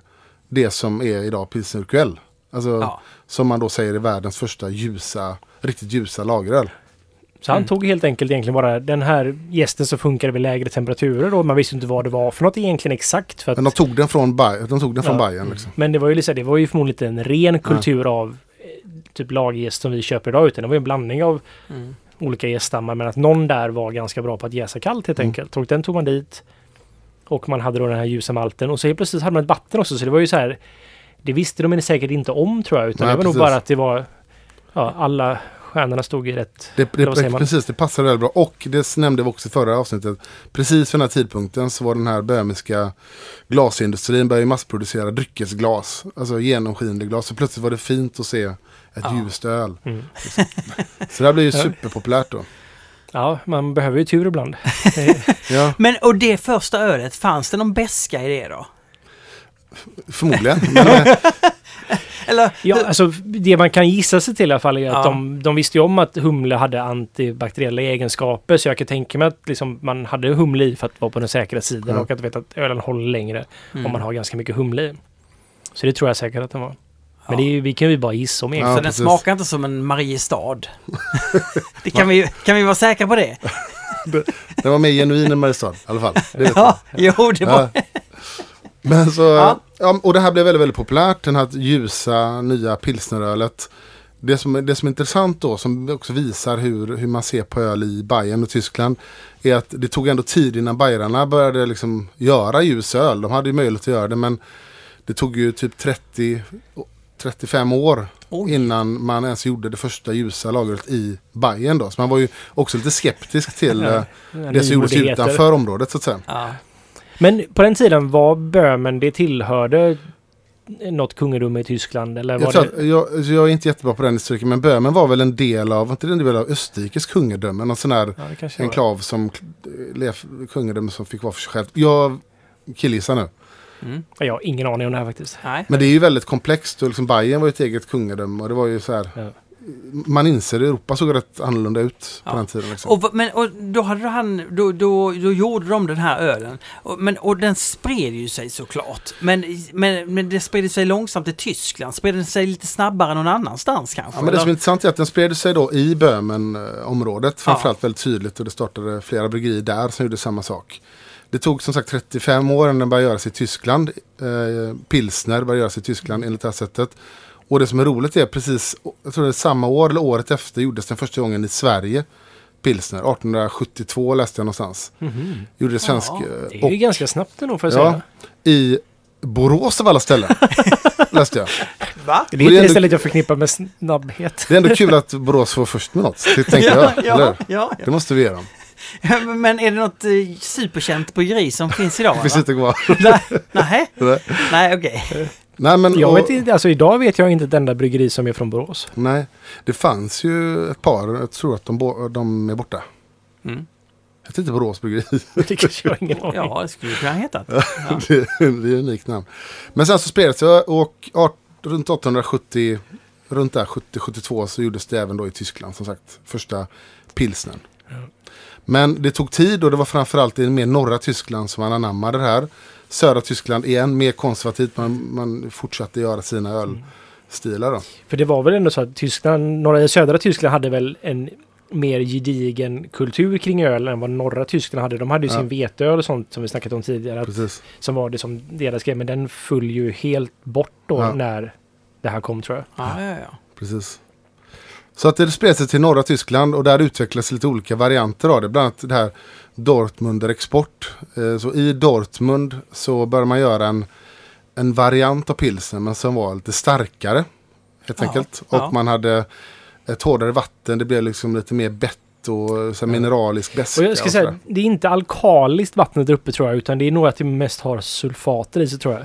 Medan det är i södra Tyskland så hade de alkaniteten, vilket Mm. inte passar så bra då med ljus öl om man inte då kan behandla vattnet på något sätt. Mm. Medan där uppe så var det mer att de hade bara mer sulfater i vattnet, vilket gör för, för, för ja, framhäver beskan lite grann och sådana saker. Dortmunder export. Ja, Eh, vad- hur, vad, hur smakar en sån öl egentligen? men det är, det är väl det som egentligen är liksom föregångaren till eh, så att säga, nordisk eh, storstark. storstark. Ja, men så här, jaha, Lite okej. stark, det var Ja. lite starkare än pilsen. Ja. Ofta mellan 5,5 och 6 procent. Eh, maltsötare, men kunde ha ändå tydlig beska och en liten vasshet i, Mm. i smakprofilen. Mm. Och, och, det, och det är där, och det gjordes då, och i Dortmund, man tänker att Bayern och det var, det var ju bryggericentrum utifrån antal bryggerier och kunskap och sådär, men det bodde ju fler människor uppe i norra Tyskland. Så Dortmund Ja. blev så här bryggeri, den bryggeriregion uppe runt Dortmund som gjorde mest, faktiskt mest öl i Tyskland vid tidpunkten. Ja. Så Dortmund Export gjordes för att också det skulle kunna exportera namnet. Det skulle exporteras lite mer. Påverkade Danmark väldigt mycket och påverkade Holland väldigt mycket. Man börjar göra den typen av lageröl också. För är det därifrån som... Jag har ju hört att så här, för Carlsberg har ju faktiskt varit en väldigt viktig roll i Ja. det här hela biten med att... Och vad jag har hört så hört någon historia som inte låter sådär jättesann att det var någon från Carlsberg som åkte ner till vad, alltså nuvarande Spatenbryggeriet, för jag kommer inte ihåg vad det heter Och lyckades isolera. För, yes. Ja, eller att de snodde med sig gästen därifrån för att det var ju någonting som de försökte hålla för sig själva. Att de visste att de hade en, inte en ale-gäst då. För att alltså, när lagergästen kom, liksom att man kunde jäsa det kallt, det var ju någon form av ganska revolutionerande grej. Det har ju inte Mm. funnits tidigare. Det är ju inte det man hittar spontant när man... Alltså man kan ju gå ut och leta gäst överallt, speciellt i blommor och... Även så här, jag ska faktiskt göra en öl imorgon med björksavsgäst Mhm. som är tagen därifrån. Men att gäst finns överallt, men det är inte lagergästen riktigt som finns överallt. Utan Nej, det är mer olika en... typer av övergäster. Ja, precis. Det är en, mer en... Är mer li, är likt ale-gästen liksom. Mm. Och man har ju försökt hitta då genetiskt spåra vad lagergäster kommer från. Och man är inte riktigt... Man vet inte riktigt. Förmodligen, den kan ha form av... Det närmaste släkting man hittar tror jag är någon form av typ av bark i Patagonien i Chile liksom. Jaha, okej. Ja, men att på 1500-talet så dök den upp i Tyskland i alla fall. Det är typ, ja men genetiskt sett så finns det någon så här, någonting i Chile som har samma genetik. Och sen så plötsligt dyker det upp i södra Tyskland på 1500-talet typ. Ja. Men då menar du att alltså, någon från Carlsberg Var där nere? Ja, eller jag antar att de såg med det sig som lite så här affärshemlighet. Att de Ja. hade sin egna gäst liksom som funkade vid lägre temperaturer. Jag tror att det var att de... Ja, okej, du kan få låna den här också. Jag ja. vet inte, precis, det finns olika stories hur han fick tag på den gästen, jag har ingen aning. Och, men en så här jättefånig story där man beskrev att han, vem var det? Var det Emil? Någon Carlsberg-gubbe? Ja, det var någon... Att han var nere då och fraktade gästen i sin hatt. Sådana här höga hattar på den Ja, tiden liksom. För att det skulle hålla sig svalt. Man tyckte, men vad fan, hur svalt är det en hög svart hatt? Det är rätt svettigt där, tänker jag. Jag köper inte den historien Nej, i alla fall, jag men det är en bra historia där. Ja. Men det som de gjorde var att de tog med det till Danmark Mm. och jag kommer aldrig ihåg vem som vem här, men vem var det som var labbkillen liksom? Det var inte Biologen. Jakobsen, Nej. det var inte em, var det em, Jensen? Ja, det jag kan- kommer inte nej. Jag är dålig på den. Förmodligen någon av de två i alla fall. Ja. var ju väldigt duktig på mikrobiologi liksom. Det här var ju ganska nytt ämne. Pasteur. Louis Pasteur. Vad var det? Var det... Det var ju... Det var också någonstans kring där 1860 tror jag någonstans som han ens insåg att det finns någonting som är gäst liksom. I stort sett. Mm. Han var ju sponsrad av ölindustrin. Det var ju liksom... De fattade att det finns något magiskt i den här sörjan som ligger kvar Mm. i botten. Och att vi måste använda den hela tiden. Ja. Men vad är det för något? Och att han insåg att ah, men det är levande organismer liksom. Ja. Och hur man kunde ta död på dem och sådär. Ja.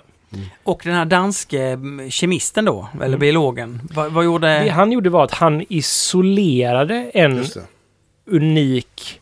Alltså så här, det här var ju en blandning av förmodligen olika... Mm. Alltså, alltså de har lite olika egenskaper de här. Det är ju samma typ av gäst men att de tillhör samma familj. Mm. Men de har lite olika egenskaper och isolerade en specifik.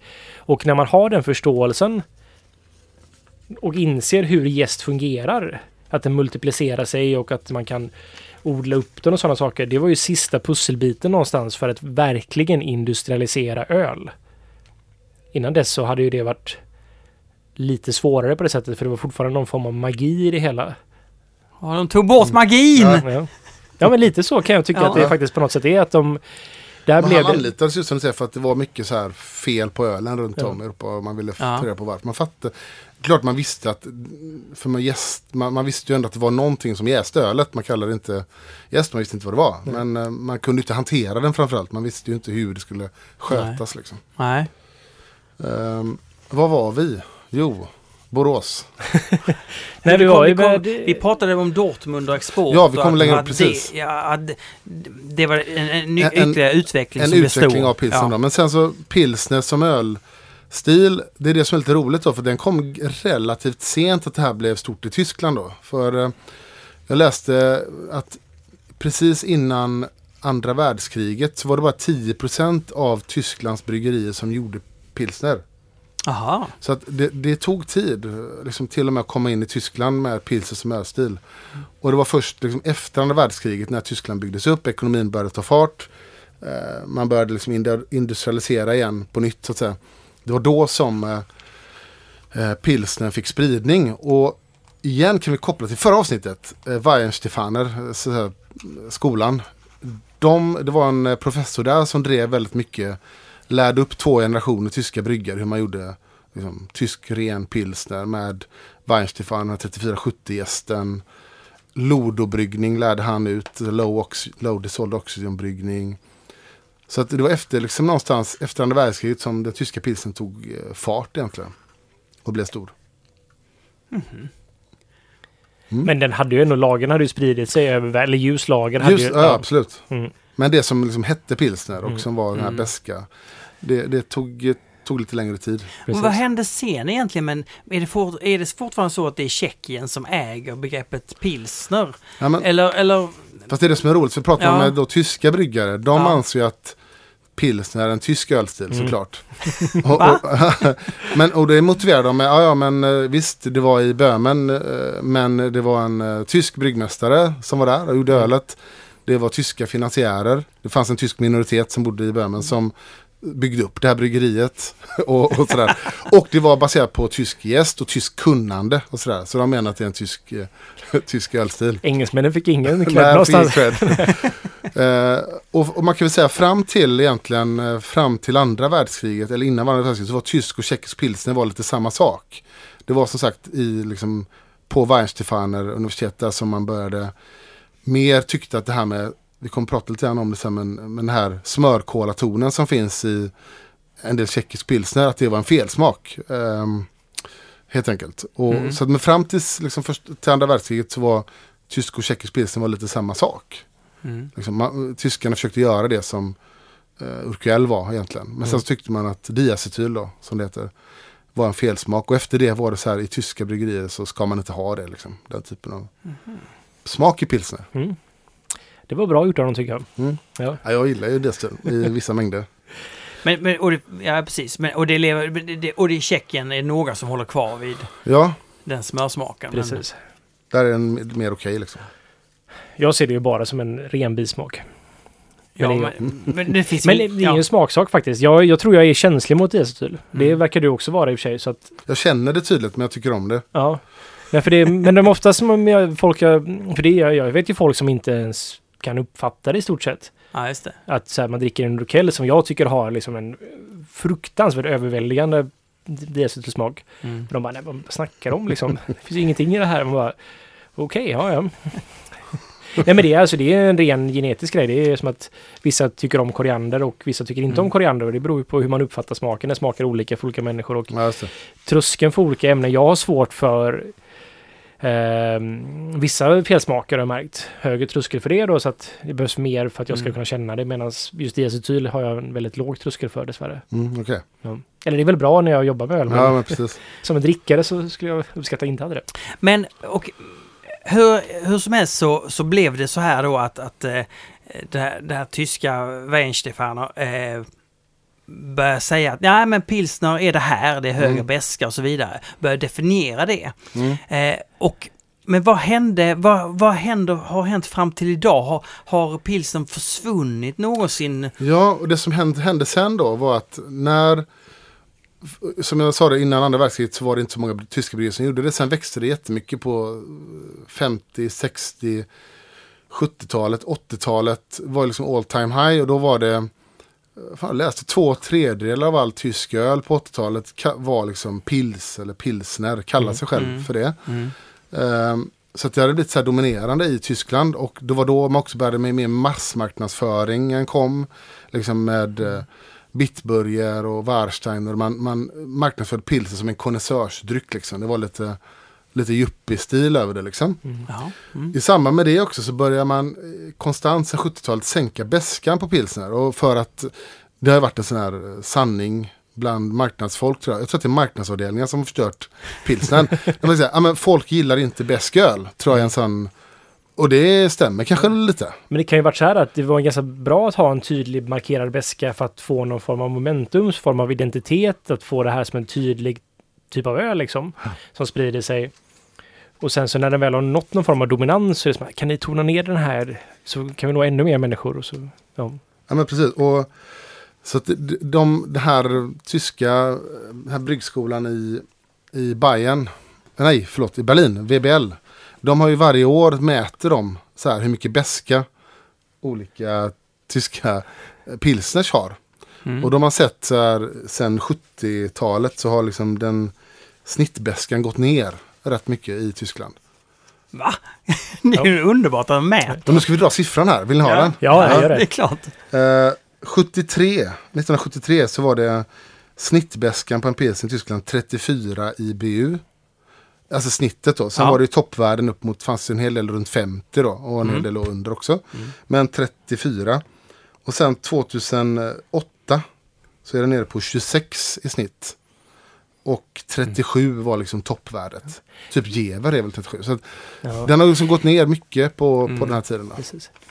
Och jag- för mig är en pilsner när det är över 30 i stort sett. När jag, när jag gör recept så här, om Ja. jag ska liksom så här, om jag ska göra en Helles eller om jag ska göra så här, så Helles håller jag kring 20. Pilsner, tänkte jag, då ska det vara över 30 liksom.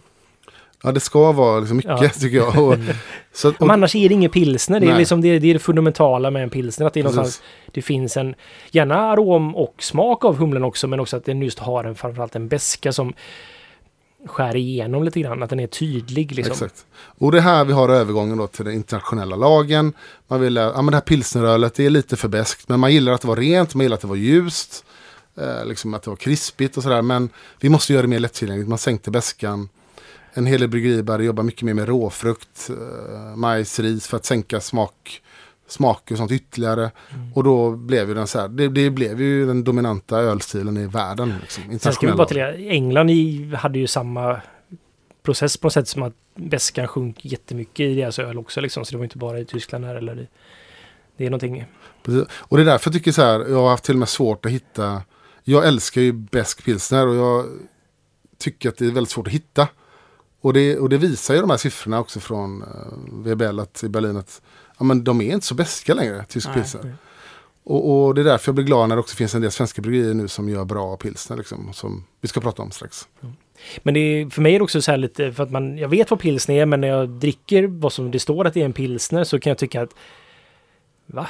Ja. Och så dricker jag en Helles, men det här var ju nästan beskare liksom. Det har bara flytit ihop allting och så har vi Dortmund så att det blir tre stilar som är väldigt lika varandra till utseende. Dortmund kanske har lite mer färg liksom, men, men Helles och pilsner är, ser ju exakt likadana Mm. ut för det mesta liksom.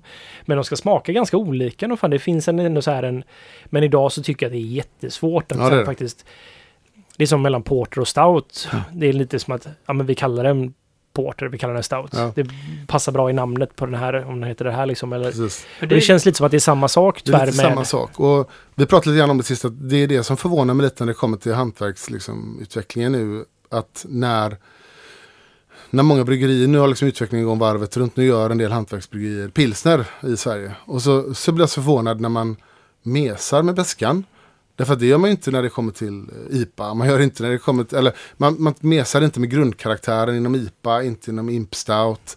Där räcker man på med allt liksom. Men så gör vi pilsner så gör man den mesigt besk liksom. Jag fattar inte det. Men vad, vad det handlar om är att man, man tycker att namnet pilsner, det är rätt för, för mitt bryggeri. Men, men stilen kanske inte är rätt. De kanske skulle göra en lager. De kanske Ja. skulle göra en Dortmund eller Helles. Som, som, Ja. som, alltså, Ja, faktiskt. tänker jag. Eh, får jag bara fråga, för nu nämnde du Helles, Olle. Mm. Det har vi nämnt tidigare. Eh, men men det, du definierade ju Dortmund och export så bra, Fredrik. Kan- hur- Om vi definierar Helles i förhållande till eh, pilsner och Dortmund och export. Var hamnar den liksom? Alltså Helles är, har helt enkelt lägre beska liksom. Och Lägre beska? Den är, den är, det är en ljus lager. Det är liksom det det är och det är ju Ja. också en Dortmund, det är en ljus lager. Mm. Men ofta med lite högre alkohol. Okej. Det, här, det här är svårt för mig. Jag har jättesvårt att se skillnad på en Dortmunder och en Helles. Men Helles brukar ju upplevas som mjukare än en Ja. Dortmunder också rent smakmässigt. Men det tror jag kan ha med vattnet och sådana saker också lite grann att... Och Dortmund ska, är ju lite vassare och kantigare. Ett ganska bra svenskt exempel på en Dortmund exportstil är ju Falcon. Falcons vatt, det vattnet som finns eh, i Falkenberg när man gör Mm. Falcon med är lite, det, det blir lite, hår- den är ganska hård den Okej. ölen. Lite Mm. vass liksom. Mm. Det brukar man säga Dortmund export och som Olle sa lite starkare, lite högre vörtstyrka. Kanske lite mer färg också faktiskt. Lite mer Ja, färg för att precis. den är också lite starkare, lite mer malt liksom. Kanske har någon karamellmalt alltså. i eller sådär. Mm. Men Medan som Olle sa, Helles är ju som en väldigt lik pilsner men med lägre beska. Liksom. Mm. Och den antar jag kom någonstans där att kommer inte Helles före pilsner, att man inte vill göra pilsner. Att, det här kan nu gissa jag lite grann, men att Helles, men okej, men vi ska göra sån här ljus öl. Som de gör i den Aha. regionen där. Men istället för att kalla det för pilsner så gjorde vi Helles istället. Som inte hade så mycket beska och sådär i sig, utan det var bara att... Möjligt, jag, jag vet inte hur gammalt begreppet Helles är faktiskt. Jag tror det. Jag, jag, jag har fått för mig att det faktiskt kom innan den Pilsner, tyska okej. pilsner på ett sätt. Eller inte riktigt så här, men att det blev någon form av att man skulle göra det som ett alternativ i alla fall. För man vill inte riktigt ge sig in i hela pilsnergrejen, för det Nej, var en annan, man skulle hitta på ett eget namn. Okej, jag och göra det lite Mm. annorlunda liksom. Ja, men så kan det vara. Och sen tänker man traditionellt inom Tyskland ljus lager så var det ju i södra Tyskland där mycket av de här humleodlingarna låg så var ju pilsnern och hellesen mer ehm, aromatiskt orienterad. Det vill säga mer humlesmak och doft. Precis. I norra Tyskland lite mer eh, strävare, vassare, beskare. Liksom. Kanske inte så mycket aromhumle utan Nej, bara exakt. beskan egentligen. Liksom. Mm. Precis. ja. Men Ja. det, det är rörigt det här kan man säga. Det är rörigt, det är svårt. Mm. Jag måste gå och kissa. En pöl, la, la, la, la. En pöl gjord av öl. Ja, men om vi då tittar, om vi tittar idag, nu, här och nu. V- var står pilsen nu? Hur ser läget ut? Är det vad och så vidare? Det känns som att det finns en, en, en hype kring pilsner som framförallt kanske drivs av bryggare själva. Ja, faktiskt. Det är, Det är ju märkligt att det, det är det enda bryggare säger att de dricker på festivaler. Det är det enda de... Jag vet inte om de gör ja, det det, har blivit men... en grej. Jag har fått något i ögat. Är det en fluga, Olle? Är det en tår? Nej. Jag blir så rörd av pilsner. så det känns bättre. Ja, Ja, Ja, men det är lite lustigt det där. Det var, jag kommer ihåg så här för... Kan det vara? Ja, men två års... Nej, inte ens det. Ja, men ett och ett halvt, två år sedan så... Det blev nästan som en grej för bryggare att säga att man drack pilsner också. Mm. Det blev lite så här, det blev nästan lite fånigt. Personer som jag visste inte alls hade ett år tidigare än det sagt att nej, pilsner liksom fan. Helt plötsligt så skulle man säga att man drack pilsner. Ja. Mm. ja, det har blivit lite en trendgrej. Ja, att man älskar pilsner. Det Ja, blir är en så. form av liten bubbla och något sånt. Men Okej. det, jag håller med, det är faktiskt en, det är nog en stil som har drivits. Alltså hade vi inte haft... Alltså craft beer handlade så länge om att göra något annat än stor stark liksom. Ja. Mm. Och då var ju pilsner bespottat och... Menar att... Det var också tråkigt. Stor stark var ju egentligen bara en och samma öl i olika förpackningar liksom. Ja. Och det är roligt nu att man faktiskt då som... Alltså... Vi bryggare hade liksom, vi började göra olika, eller småbryggerier började göra olika typer av öl. Fick, alla fick upp ögonen för IPA till exempel, att det kommit suröl och liknande. Liksom, så Mm. att det blir lite s- jättestor liksom, förändring av öl, att man dricker många olika stilar. Och det har alltid varit lite bespottat någonstans det här med stora stark och att det var väldigt få som vågade röra vid det ganska länge.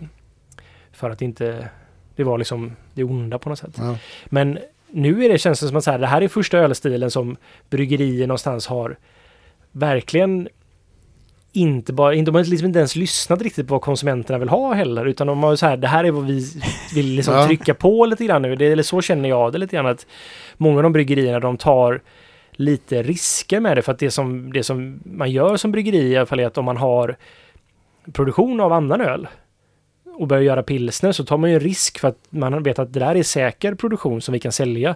Och så gör man pilsner så är det lite mer riskabelt på ett sätt. Ja. Du pratar ju om dig själv nu. Jag pratar om mig själv, ja. Ja.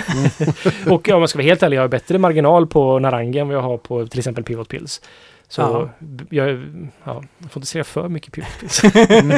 nej, men, det- nej men att det, det, fanns, det, det fanns liksom så här att det här var en liten rörelse som kom inifrån faktiskt, det var lite meta på något sätt. Det var Ja. inside baseball på det sättet att man faktiskt, ja, Men, men hur är det med dig Fredrik? Har du börjat längta mer efter pilsner på senare tid? Eller har du alltid liksom haft en crush på pilsner? Alltså, är du med mig? Har, den, har längtan ökat?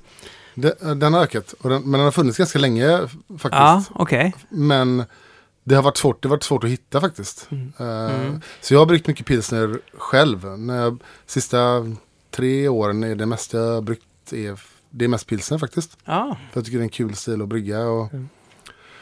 och sådär. Eh, så att, nej men den, det har funnits det hela tiden och det jag gillar med pilsner är, är just enkelheten men ändå att det, det är rätt svårt att få till det där liksom nyanserna. Vi, jag tycker vi kände det när vi provade lite pilsner som vi kommer prata om sen att det finns ju det som vi är riktigt, riktigt bra. Det finns ju någon extrem finess där i som är svår att beskriva och som är väldigt svår att få till. Mm. Eh, det tycker jag är spännande och jag tror att pilsen det kommer nog öka nu. Man kan ju se lite vad som händer runt om i världen när eh, bryggerier och bryggare som har väldigt mycket cred nu gör mycket pilsen, pratar mycket pilsen. Det kommer ju öka eh, garanterat.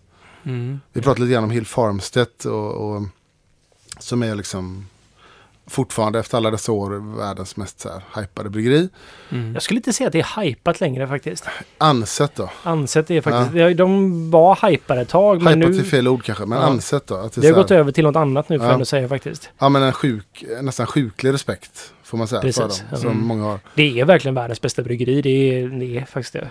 Du tycker det? Ja, jag tycker Ja. faktiskt det. Det är, det är, ja men Ja men jag, det är ju helt fantastisk öl. Allt de har gjort. Jag brukar alltid vara lite motvalls när det gäller hype. Och Nu, nu blir jag glad när vi säger att det inte är hypat längre. Det är klassiskt bra. jag, tycker de är väldigt bra. De är väldigt bra. Ja. Men det, det vill bara tillägga är det att det som jag som bryggare i alla fall känner med hans öl och tilltalas väldigt mycket av är att han har en så han har en filosofi bakom varför han gör varje öl. Det är liksom verkligen en Ja, genomtänkt produkt. Alltså kanske inte förpackning och sånt om det tillhör produkten utan produkten som drycken bara liksom att Mm. varför han gör det, vilka ingredienser han använt, hur han har applicerat ingredienserna, hur han har liksom processat den och allting är liksom väldigt genomtänkt och han är både nyskapande, han har en jättemycket öra mot historiken, följer traditioner ibland, följer Mm. inte traditioner ibland och framförallt gör det väldigt smakligt, snyggt liksom. Verkligen. Det är, en, det är så här, det är, han kombinerar väldigt många egenskaper och idag har vi så många bryggerier som är duktiga på att lyssna på vad som händer liksom, men kanske inte är de här som är först på det med att liksom göra någonting utan de så här, oh, snappar upp att pilsen ska man göra. Gör det utan någon större genomtanke utan de gör en gedigen, helt okej pilsner liksom. Men Exakt. kanske inte har den här filosofiska varför Nej, och, just den här exakt, och det här liksom finliret. Och det tycker jag kan känna de pilsen som är, den pilsen som är riktigt bra, svensk pilsner. De, det är så uppenbart att när man pratar med dem, det finns en tydlig tanke där och de har jobbat med det här. Mm. Men nu finns det rätt många som spottar ut eh, pilsen som kanske inte alltid är så bra. Då. Men om man tar Hill Farmstedt och, och, och vad, vad han gjorde. Han besökte ju Urquell för några år sedan och blev helt liksom frälst i han fick nu prova de här. Liksom. Urquell har ju fortfarande en del öl som jäses på träfat och lagas Mm. på träfat. Majoriteten gör ju inte det längre. Nej. De slutade med det på 90-talet. Och nu har han eh, börjat göra ett öl som heter Poetica. Som är där han använder precis den tekniken egentligen. Mm. Tar lång tid att göra den, det här pilsnerölet. Och han använder träfat. Och han- det, det är liksom långlagring. Det är, han eh, kröjsar ölet. Så kolsyra får bildas naturligt under lång tid. Och, Är, det, är det att köjsa? ja, man Alltså, tillsätter lite vört när ölet liksom jäser och har jäst Ja, klart så- för att få igång jäsningen igen. Ja. Men skillnaden är till exempel kolsyran på Pivot till exempel. Ja. kommer ju också naturligt, men det är för att jag spundar ölen. Mm. Så jag sätter ju bara liksom att nu ska den jäsa under tryck. Så Mm. att kolsyran får vara kvar i tanken och bilda kolsyra på det sättet. Kröjsa så låter man ju helt enkelt den jäsa ut. Eh, oftast har man liksom fört över den till en annan tank. Man har då fört in lite ny vört i den. Ja. Lite mer socker Ja. för gästen. liksom. Ja. Precis, alltså man brygger en ny öl. Ja. Och så tar man ja, men lite portioner och stoppar man in den här ö, gamla ölen. Ja. Ja. Och då börjar den jäsa igen och då bildar den och då har man spundat den helt enkelt. Och då bildas kolsyra. Man bevarar kolsyran i ölen och får den naturligt på det sättet. Och det kan man se på viss typ av öl med kolsyran faktiskt, hur bubblorna ser ut. Jaha. Alltså det tycker jag man kan se på viss typ av öl. Att den har extremt... I alla fall du inte jämfört med våra öl vi tittade på, vad vi provade förut. Ja, Viss typ av öl, om man tar Anchor, jag vet inte hur det är idag, men de körde ju också det på flera av sina öl. Mm. Eh, kröjsade faktiskt ölen. Ja. Och en del menar att man får mycket så här finare kolsyra. Vet men inte. det- vad skillnaden skulle vara på att spunda ölen nej, jäsning bara. Det är nej. ju ingen större skillnad. Och om jag ska vara helt ärlig på bubblorna i sig, det man, det man brukar säga att man får finare bubblor och det tror jag är en missuppfattning faktiskt. Det här, jag tror det här i alla fall, för jag kan själv inte riktigt, åtminstone inte se det på alltså hur kolsyran smakar i ölen Okej. riktigt. Utan jag kan se det på skumkronan kan jag se det. Mm. Man får en annan struktur på bubblan, mycket mindre bubblor. Och det kunde vi se på ett sätt där i, när vi faktiskt hade de här ölen bredvid varandra. Eh, sen så kan du applicera en massa andra grejer i processen som gör att du förstör den här biten i alla fall. Så det ena inte- utesluter inte det Nej, andra, så. men det är liksom... Ja, det, det finns nog lite övertro på det skulle jag säga. Ja, det kanske är så. Ja, Men det, det är romantiskt och fint. ja det är det. Det är väldigt Och så tittar man på så här, nu senast på MBCC i Mikkeler Beer Celebration så var det för varje år nu, det blir fler och fler pilsner. Så det är en Mm. tydlig trend. Sen ska det bli intressant att se om konsumenten anammar det. För att eh, det Där är- kan jag ju dra en anekdot från Ja. årets MBCC. Vi hade ju med förra året var ju första året som OO fick vara med första året. Då hade vi med äkta pils. Och då var det jättemånga bryggare som var så här framme hos oss och bara Fan vad gött ni har en pilsner liksom. Där är, och så Mm. stod och drack den jättemycket och var så här berömd och så man fick en klapp på axeln och det kändes jättebra och så här, när legendariska bryggare kommer dit och tycker man gör en bra pilsner. I år så var det faktiskt jättemånga av konsumenterna som var så här mer eller mindre halleluja, liksom ni har en pilsner, vad skönt, vad roligt. ja, bra. Ja, Ja. Så det var, det var en jättestor skillnad och det har gått väldigt snabbt Ja. där liksom. Jag minns första gången vi gjorde äkta så var det så här att det var lite märkligt när vi hade med oss den till någon festival så var det som att så här, när man nästan fick så här onda ögat för att Mm. man och det var inte många år sedan liksom. Det är ju, Nej. Nej, men just att göra en dyr öl som man uppfattar som en lag, alltså man, man har druckit billig lageröl Ja. tidigare. Plötsligt kommer det något dyrt i det segmentet, alltså ändå i det Mm. segmentet va? och det blir, blir lite förvirrande. mm. Ja, nej men det... Det får ju vara bra, tänker jag nu, Ja, ja. Om, om det ska få fart. Därför att Mm. varför, om man vänder på det, varför... Det har funnits massa incitament för konsumenter att köpa en IPA från ett litet hantverksbryggeri.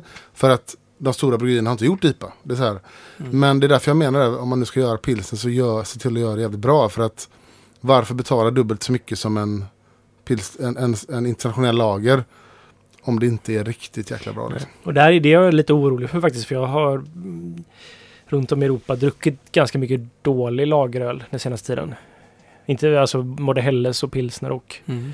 Jag har faktiskt inte druckit någon eh, Dortmund dock. Det någon som varit och kallade det för det faktiskt. Så att det, det, det blev ju mindre trendigt att kalla det Dortmund under export. Dortmund export var så här förknippat till också så här arbetaröl.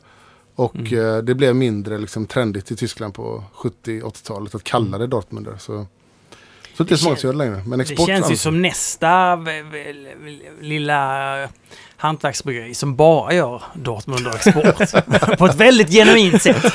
Herregud, det här är roligt. Det kan inte bli så mycket mer hipster än så Nej, det är fan- Nej. Det är riktigt roligt faktiskt. Ja, men så var det, Tio någon, olika Dortmunder export. det var ju någon som nämnde eh, Hälsinge bryggeri. Jättebra Och Hälsinge. Pils. Ja. Ja. Varför, varför nämnde du inte det förra gången? Jag glömde av den faktiskt. Men och den det finns är- också i beställningssortiment. Många Ja. av de här som är bra. Jaha, jag, jag trodde det bara var en fatprodukt faktiskt. Nej, det, det finns flaska. Och Aha. jag tror även Ja. den, ja, det kanske du kan beställa enskilda flaskor. Men både de som är riktigt bra tycker jag. Pickla, ehm, Hälsinge, Mm. eh, Södermalms. Alla de Mm. ligger i beställningssortimentet. Så folk får bara köpa det här mer för att komma in Mm. ordinarie helt enkelt. Man kan också köpa Pivot när den lanseras första september. Varför nämna det? Men Hälsinge är helt fantastiskt. Det är ett av de absolut bästa svenska pilsen tycker Mm. jag. Hög Den är- väska, ren, torr. Riktigt fin. Mm. Men eh, är den så? Är det, är det Sveriges bästa pils? Nej, Nej, jag- det, står du här och Jag tycker säger det är en av de bättre. Ja. Så topp Ja. top tre, topp fyra. Absolut. Det är, och sen så kan man ju tillägga att jag kan tycka att de här som är mycket hantverk så, så varierar kvaliteten. Det varierar. Det varierar Mm. lite. Hälsingen kanske varierar lite mer än många andra men när den är bra så är den den bästa. Mm. Men kanske inte i genomsnitt. Nej, den har nog gått upp, lite upp och ner. Det håller jag med om. Södermalmspilsner är för mig kanske en- den bästa. Mm. Mm. För den har så pass mycket annat än bara beska också. Den är riktigt, riktigt Ja. bra. Ja, för mig är det äkta. Sen vi, Äkta är fantastiskt. Men den finns ju inte. vi, vi tog ju bort den från Systembolaget. Den kommer komma tillbaks. Det är bara att det var nu när vi lanserade Pivot och vi valde att göra en strategisk grej att vi ville fokusera på Narangi så vi tog bort all annan öl ur beställningssort eller i lokala sortimentet Okej. förutom Narangi. Men vi gör den fortfarande så att vi säljer den till restauranger och sådär. Aha. Och det är ganska många fina restauranger som köper den faktiskt. Så det är roligt. Ja. Mm. Men eh, vi kom, är- så fort Pivot stabiliserat sig så kommer vi liksom... Nu är ju äkta mycket dyrare för jag har längre tid på tank med den. Den har mycket mer humle i sig också så att den... Låter så gott. Ja. Men de finns på fat. Kan man privatimportera den på fat då? Det är... Ja, vi har inga fat tillgängliga just nu men... Eh, det borde generellt Det är sett så här man bygger upp en hype. Det finns inte att få tag på men det är skitbra. ja, Men man kan fråga oss så kanske vi kan... Vad schysst det för, för övrigt är med, med restauranger som bryr sig om sitt ölsortiment och som verkligen går in för det här med hantverksöl och som verkligen eh, verkligen pratar upp det. Jag, jag vet ju en, en, en, en eh, krog som köper Amazing Haze och förvarar den varmt. Så nej, gör inte det. Förvara, jo men den är så god när den liksom, man får alla smaker. Nej, gör så här, förvara den kallt men plocka fram det ni vill ha, servera varmt. Så plockar ni fram det. Och så bara serverar de det. Vill de servera den varm? Ja, men då, alltså, då kommer smaken, smaken Ja, lite varmare. typ. Ja, lite Lite varmare, varm, ja, ja, precis, ja, ja, ja. Inte varm, nej inte Nej, upphettad. Nej, nej. Nej men det är ju, all öl ska ju alltid stå kall Men jag gillar bara när, när, en- när en krögare går in för det och, och tror på någonting Mm. och, och vill, vill liksom... Ja men det är fantastiskt. Ja. Och när som säger en krögare som hade kunnat tjäna lite pengar på att ta in något av de stora och få lite marknadsbidrag. Inte gör det utan Mm. serverar annat. Då. Precis. Jag tänkte på det nu. Jag vet inte, jag var inte på Way Out West i år. Var, var inte ni heller? Jag har aldrig varit på West Eh, End faktiskt. nej. Jag har vägrat det. Va, vad då? Jag var inte där i år. Nej. Jag, jag går dit, var där förra året. Jag var inte där i år. Men de hade de en, jag fick bilder skickat till mig av några Det olika. fick jag med faktiskt. Ja. ja men det här är så roligt. White West är ju liksom, ja men det är ju, ni vet, det, det är köttfritt och det är mjölkfritt och de, de räddar ju ändå hela världen med den festivalen. Och, och så ska de ha öl då. Och vad har de för öl? Jo men det är klart, där är det pengarna som räknas. Så de har ensamavtal med Spendrups. Så nu stod den här jävla Mellerudsbilen, står där. Oh. Ja, eller bilen. Ja men det är en bil, en sån Ja, ja. tank. Så Ja. De kör ut all Mellerudsöl i sån Mm. gammal 60-talsbil. nämligen. Och så hade de en genuint. craft, genuint. Så hade de en skylt så craft beer. Och så gick man in där tydligen och då fanns det uh, Beavertown. Eh, det var Brutal Brewing. Brutal antar jag. Brewing. eh, Någonting mer var det. Ja men det var Spendrups hittepåmärken. och- Visby antar jag. Visby och, och, och annan internationellt ägd eh, storbryggeriöl. Och så Beavertown distribueras av Sverige. Eller av Spendrups i Sverige. Just det. Och då tänker jag så här. Wet West som ska vara så jävla alternativa. De har massa bryggerier som i princip skulle kunna cykla dit med sin bärs, lokala. Ja, hade man verkligen varit det man utgick från att vara så hade man Precis. tagit in Göteborgsöl. Men det gör man inte. Jag tror det här är lite komplicerat på ett sätt faktiskt. Vad jag har hört, för jag har faktiskt frågat personer som är lite i den svängen och det är tydligen så att det är en krögare som blir ansvarig för hela den här grejen. Som är för att få servera alkohol, för då måste man ju mat också och dra in hela den grejen och se till att det funkar och det är ju då Wet West fel också såklart, men att de får ganska, den dealen är så här att de måste tjäna pengar på alkoholen på något sätt. Mm. Så det är där de bara kan göra, så då blir ju Spendrups en väldigt enkel, naturlig. Ja men det är ganska, Partner, alltså, liksom. såklart. Och, och Spendrups utnyttjar ju det här såklart för att etablera varumärken som ska bli liksom Mm. trendiga mot den publiken som Norrlands ljus och sånt. Ja. Det är det alla trendiga människor vill dricka. För, Ja. kan vi bara stanna Ja. lite grann här, för Mellerus ty- nämnde ju i förra avsnittet. Nu nämner vi det igen. Berätta, alltså, men, det är alltså, det är bara ett varumärke. Det var ett varumärke. Det fanns ett bryggeri i Mellerud som det fanns i flera hundra svenska städer Ja, Okej, förr. det fanns ett Mm. eh, ändå. Ja, men det, det har Mm. funnits i, säg vilken jävla ort som helst i Sverige Mm. så det funnits ett bryggeri där. Borås ändå faktiskt. Ja. kan man ju tycka. Ja, det Nej, är mest anrika som fanns ju. Ja, precis, och då har ju Spendrups eh, anammat det varumärket som har byggt Mm. upp. De är ju jävligt duktiga på det här Spendrups. Så bygger de upp en story kring genuinitet. Och, Jätte, jätteduktig på det här. och, och det är det jag menar. Att jag, tr- jag tror faktiskt att nio av tio som dricker Melleruds tror att det finns ett bryggeri i Melleruds. Ja, och, Ja. och, att, men, och ölen i sig då, är inte den annorlunda än annan Spendrupsöl? De, de måste väl ha ett eget lite- recept för Ja. Jo, det? de har lite annorlunda. Den, Ja. den, det är inget dåligt öl. Alltså Melleruds är pilsner. eller Melleruds utmärkta pilsner. Precis. Ja. Det är inget, alltså inget uselt öl. Den har lite beska och sådär. Men Nej. Men- Alltså, för av de stora i Sverige så tycker jag Spendrups gör bäst öl. Jag kan tycka att så här, Norrlands guld är en, fan, det är en ganska helt okej öl. ja, Liksom. det är inget fel på ölen. Det är mer hur man eh, säljer det och vad man framstår sig för att vara som man inte är. Och. Mm. Mm. och, och det är det jag menar att det tränger ut i konkurrens. Liksom, när, man gör, när folk tror att de köper något lokalt. Det, det är viktigt att vara tydlig och ärlig tycker jag. Sen om jag får vara lite cynisk så tror jag det är så här att de, deras premiumöl har ju alltid varit Mariestad. Mm, mm. Det har ju gått rykten i så här att det finns ingen egentligen skillnad på Mariestad och Norrlands guld. Att det är bryggt i samma tankar, paketeras och så sätts det i olika burkar bara liksom i stort sett. Det tror jag inte så att det är faktiskt så. Jag tror det är skillnad på recepten. Men att de är väldigt lika varandra. Den ena säljs för mycket mer, den andra säljs för mycket mindre. Det borde inte vara någon produktionsskillnad på dem kanske egentligen. inte göra det här någon gång? De är ju lite skillnad i färg på dem. Så Mm. det är klart att det, det finns en teori om att ja, men, eh, Norrlands guld får en sprits med mörk lager in, liksom inför Ja. flaskburktappning. Men vi har ju kört det här på öldomarutbildningar. Jag har kört det massor med gånger på folk där de får fem svarta glas. Liksom, där två är Norrlands och tre är Mariestad eller tvärtom. Så ska de bara särskilja dem. Liksom, säga vad som är det där är samma öl och det där är samma öl i två grupper. Ja. Och det klarar typ ingen. Så det här ska vi fan göra någon, gång. Det gör vi jättegärna. Ja. Men det är, det är Men- ju samma, det är ja. samma sak som att man vill vända sig, du, för, men det är samma sak som att man vill vända sig till olika eh, Ja. kategorier. Jag vill köpa Kalles Kaviar för det är en premiumprodukt. Svennes Kaviar eh, är mycket, mycket billigare, ser lite billigare ut, jag köper den. Ja, Men jag säger att det är samma kaviar. ja men, Nej, De smakar ju ganska olika dock faktiskt. Gör de? Ja, det gör de. men, men det som är tydligt med det här med Melleruds versus... Men, eh, och, och Spendrups då som har Mariestad. Mariestad, Sveriges mest sålda öl. Ja. Det är så uppenbart att Mariestad har en ganska gammal, eh, åldrande målgrupp. Och de Precis. ser ju verkligen att det ölet har nått peak. Mm. Det kom, Mariestads kommer ju bara gå neråt framöver. Eh, då, då är liksom Melleruds, det är, det, det är efterföljaren till, till Mariestad. För Mariestad har blivit för mycket, de här konferensbesökarna är 70 år nu liksom. Ja.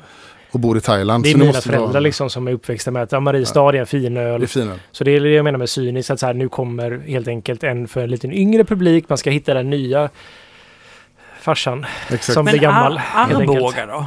Eh, Vem äger... Galatea äger det varumärket. Ja, okej, så det är inte... Ja, de kör mer att man kan köpa en Arboga-ryggsäck för 7000 spänn. Ja. För man vill gärna ha Arboga ute i naturen. När man- Ja, de kör någon friluftsgrej där. Ja. Ja. Ja. Men det är efter det här norska är det mm, Ringnes, va? Som man tar med sig till, till tops. Ja, Okej. Kommer ni ihåg, ni kommer inte ihåg den reklamen? Nej. Till tops och så går man upp till toppen på ett Ja. berg och där tar man fram Ringnes. Ja. Ja. Men det är ändå rimligt. Ja, jag minns ju Ringnes. Det var ju en öl jag, när jag växte upp som 14-åring så Ja. var ju det som man drack. Ringnes och vad hette den andra? En annan norsk bryggeri. Det var den billigaste ölen man kunde köpa. 33 centiliter sån här medicinsflaskor som var Poppels använde till exempel. Kunde vi köpa på fan heter det? mindre nogräknande eh, butiker i Inte Majorna. Ås va? Inte Ås, nej. Nej, Nej, Ås var inte mindre. eh, Ringhals och... Inte ring, du menar nej, inte Ringhals Nej, va? inte Ringhals. Ringnes menar Strål, jag. Eh, strål, det strålande ölet. Men eh, Ringnes och... Ja, Jag kommer inte ihåg, det var något annat också. Ja, okej, Men om man tar, låt oss säga så här då. Ja, och, Alltså Dortmunder Export, alltså den svenska stora starken. Ja. Vilken är den bästa av alla de här? Du, säger, du, sa, du nämnde ju nu då eh, eh, Munkfors, eller jag menar... Nej, helvete, jag tar tillbaka. Jag har inte alls sagt att den var bäst. nej, Jag sa att den inte, det är inte så dåligt öl. nej, okej. Men jag vet inte, jag tycker inte att det är någon skillnad på så många av dem. Nej. Faktiskt, jag, jag har ingen aning. Men Falcon med sitt vatten då? Falcon är ändå lite vass och hård. Den kan Ja. jag tycka är, lite- är rätt, här, helt okej faktiskt. Ja. Mm. Ja, måste jag välja en stor stark, svensk stor stark? Ja, Falcon då. Mm. Mm. Olle? Eh, jag väljer nog faktiskt Norrlands tror jag. Norrlands, Ja. Norrlands. Nej, jag har ingen aning. Nu dricker jag extremt lite av det här om man ska vara helt ärlig. Det är... Du vill bara få det sagt. Nej men jag vet alltså, jag vet faktiskt inte vad en... Eh, det jag dricker... Jag dricker mer tvååter tror jag av Pripps blå faktiskt. Den smakar för jävligt men det är det jag dricker mest av om man ska vara helt ärlig. Okej. ja. Ja. Men det gör jag för att Ja. jag bastar ganska ofta. Ja. Och min kompis köper det till bastun. Vi provade lite pilsner också. Vi provade pilsner och det, var ju härligt. Du kommer in och bara serverar. Du har Tippo pils med dig. Ja. Eh, och du har med dig den här tyska, konstiga, roliga flaskan med de här De här Rothaus. Rothaus. Och så hade du med dig en Jever. Gever. Vissa av de här, när vi provar dem parallellt nu så ett par av dem var lite gamla tror vi. Ja. Så att man känner ju liksom lite, men låt oss inte vara negat, för negativa kring de här grejerna, off-grejerna vi kände. Men det var ju tydlig skillnad mellan dem får man väl säga. Väldigt. Och Vi hade Jag- pivot också. vi hade Pivot Ja, också, jättegod. Och eh, pickla. Och Pickla. Ja. Precis. Och, och eh, Gotlands bryggeri, Visby Pils. Ja, just det. Mm. Det, det, det var ju trots allt så att uh, Tippopilsen hade en sån... Det, det var en tydlig markerad beska men den var också väldigt, väldigt balanserad. Det jag upplevde var att de andra sorterna vi provade drog iväg åt något håll i eftersmaken som, som förmodligen skulle göra det lite jobbigt att dricka lite mer av den. Mm. Men, men det, jag måste ge Tippopilsen det att den var oerhört bra. Eh, det är ju var- precis som ni har sagt ju. Den var fantastisk. Ja, alltså för mig var i den här, av de här så var den en, det är, alltså, egen, alltså den är en helt annan kategori än de andra ölen faktiskt. Mm. Ja. Sen var det intressant också som du Det, sa då inkluderar jag pivots också där. Nej men det, det var intressant som du sa att de andra ölen var ju helt klara. För, för de har använt klarningsmedel. ja, eller filtrering. helt Eller ja. filtrering. Men, men det fanns en liten, liten eh, haziness. Bara lite, lite, lite grann Ja. i Tippopilsen. Och det gav ju en... Det, jag tyckte bara det gav en hantverkskvalitet i känslan Ja, liksom. verkligen. Men det, det har gått upp lite för mig. Eller så här, jag tycker att den var klarare förr i tiden än vad den faktiskt är nu. Så jag kan tänka mig att de kanske har för du sa att de har ett grovt filter för att få bort jäst och sådär. Vilket jag, jag räknar knappt det som filter faktiskt om det är vad jag tror det är. Men att man Gör mer av det? Eller? Ja, att de har märkt att det faktiskt är ganska bra. För förr i tiden så var det så förknippat med att öl måste se blank ut Mm. för att det ska vara en Mm. okej öl. Alltså det var ju när vi gjorde Gbg Beer Week det. 2016 så var det som så här. Jag trodde jag skulle provocera folk för att IPA inte kunde vara grumligt. Mm. Och så var det innan det. Helt plötsligt var det inte så. Mm. Och i och med det så tror jag att det, så här, det finns en tolerans mot att det finns en liten form av haze eller att det finns Mm. en lite mer partiklar i den. På det sättet Mm. när det är, alltså det kan ju funka i en belgisk öl eller ja, tysk Hefeweizen för den Ja. delen, men just i en pilsner så fanns det någon form av bild av att den ska vara glasklar liksom. Men att de kanske har dragit upp den lite, jag ska faktiskt fråga dem. Men, men det är lite som du säger Martin, om, ett, om en pilsner är helt kristallklar, det kan ju vara, det ser ju väldigt fint ut. Men det kan också bli lite, nästan lite dött, så jag vet inte vad du använder för Mm. ord. Men Nej men jag tyckte den såg lite spritig ut i sin stil, att det fanns någon... Och då, då tänk, jag tänker på stor stark helt enkelt. Det är det Ja, jag jag tänker Mm, på. Alltså, jag får den känslan. Och framförallt bredvid då Tippopilsen som så mycket mer... Ja, Men jag kan tycka att det är schysst med det helt klar också. Men Tippon blev... Den, den lilla grumligheten passar så väl i hur ölet smakar. För att den är också lite... Den är rätt rustik. Liksom man, första liksom, sekunden tänker man oj, fruktigt. Inser man nej, det är inte, det är inte alls fruktigt. Det är, det är liksom sädigt. Det är som man står och Mm. doftar på ett fält liksom. Ja, för det jag insåg när jag doftat lite mer på den och den har fått värmas upp och så här, det är ju humlen som kommer fram i den början här. Okej, wow, det här, för den är ju torrhumla då. Mm. Vilket jag faktiskt inte visste att den var. Vilket jag borde vetat. Men att, Mm. Och då förstår jag den här liksom fruktiga tonen som kommer direkt för att den är väldigt snygg och den är så här. Och då tänker man så här, okej det här var inte estrar men något annat. Sen så kommer den här sädigheten direkt efter det som är den här liksom. Och jag Men vet inte hur man ska få ta eller göra det liksom. Nej, och jag tycker den har lite gästig ton också. Lite... Jo, ja, det har den. Den har en distinkt lagergästton Ja. i sig som jag känner att jag skulle kunna direkt kunna säga identifiera att det här är en lager. Ja. Och jag kan tycka att det är tråkigt när lager inte har den för det finns vissa gäststammar inom lager som är ja, men 3470 då som är den mest utbredda, mest använda.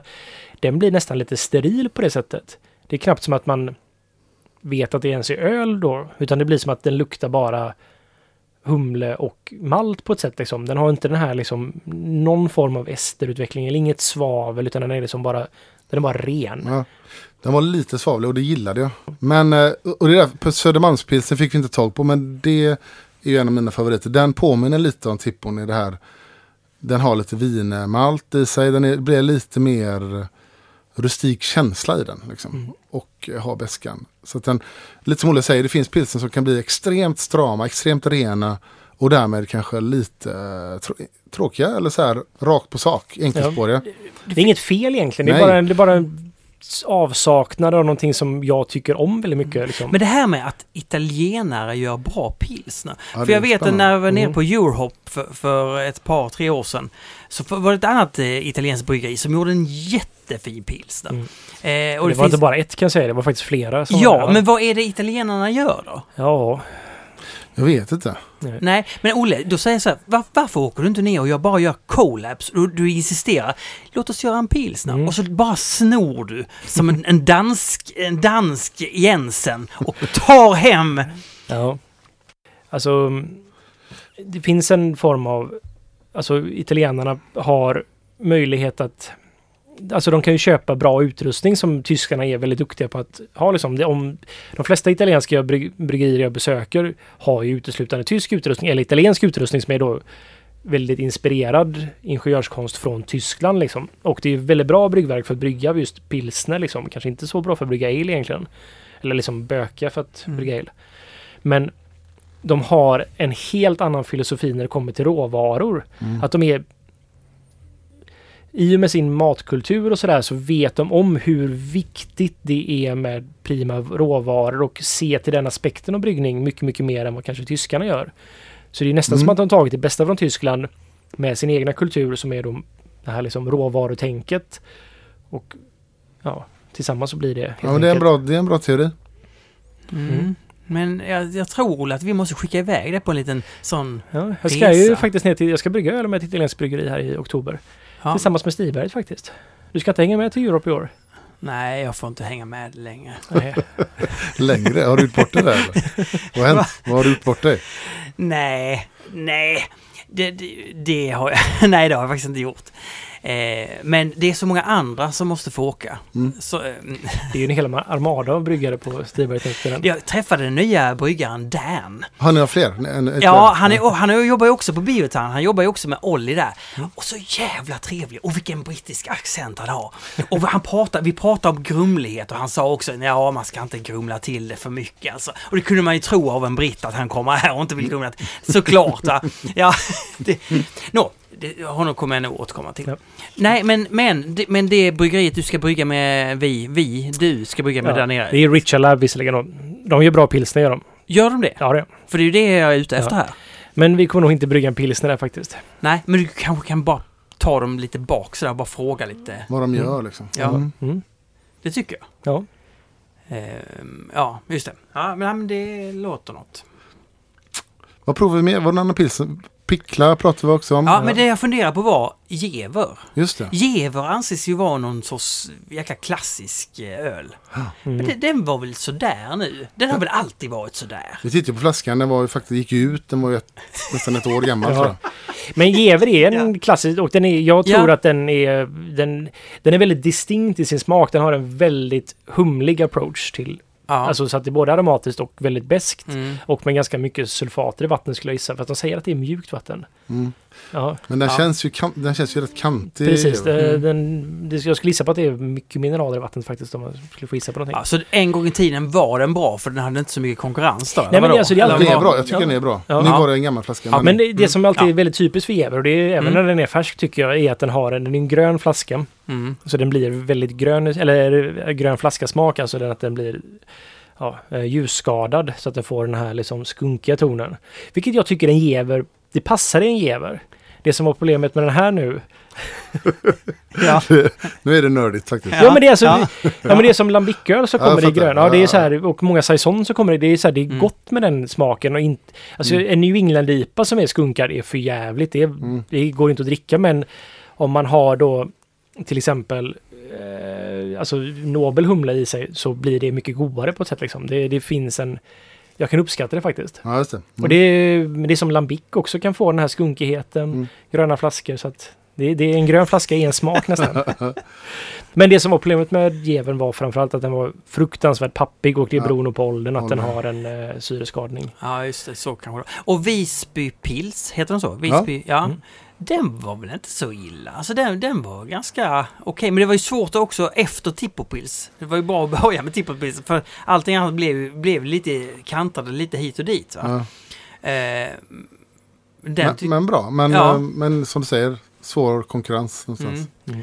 Just det. Men sen så, det, man får också göra lite skillnad. Som Tippo har ju, är ju inte filtrerad på det sättet och det gör väldigt, väldigt mycket för ölen. Ja. Och eh, att du får ju mycket stabilare produkt om du filtrerar. Du får längre, alltså den håller längre på hyllan, speciellt om det står varmt och liknande. Medan då att en ofiltrerad kan utvecklas på ett annat sätt och sådana saker. Men du får en mer karaktär i pilsnen, Mm. eller i ölen, om du har en ofiltrerad helt enkelt. Det går också snabbare att göra en pilsner om du filtrerar den. Men eh, så att det är, det är lite svårt att jämföra ofiltrerad och filtrerad pilsner rakt mot varandra för att det är Mm. väldigt olika substilar på de Ja, här, liksom, Mm. nästan kan jag tycka. Och en stil som vi inte pratat om nu det är ju som det görs en hel del liksom, modern pilsner. Som ibland, ja, som ibland också kallas pilsner men man har mer nya värden humle och ganska så här, sena giver Mm. och torrhumlade och sådär. Liksom eh, lite IPA fast lagerjäst liksom. Mm. Och jag tycker faktiskt det är jättegott. Ja det är gott. Ja, vad, vad heter det? Vad, vad, vad heter det? Modern det lager, sådana- torrhumlad. Alltså det är ju inte, det är inte, alltså det är ju inte, alltså som Tippo är ju torrhumlad. Mm, fast Och- med, den är ju mer, det är ju tysk Det är humle. ju tysk precis. Och, Men var, var Mazurka... Eh, nej, Mazurka är en ren tysk pilsner skulle jag säga. Det var en ren tysk Ja. liksom. Ja, men det, Okej, finns saker som inte kallas pilsner. Men, eh, bland de första svenska liksom, modernt humlade lagerölen. Lundgrens lager, den heter ju inte pilsner. Sen kom det Mm. Hell Ja. från Jämtlands bryggeri.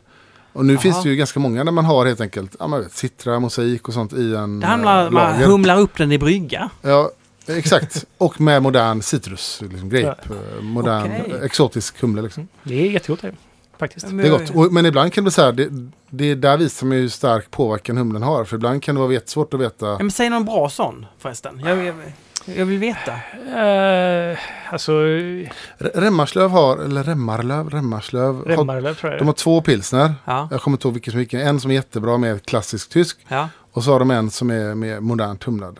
Eh, Ja. Okej. De har som, en som heter House. Det låter som att den är traditionell.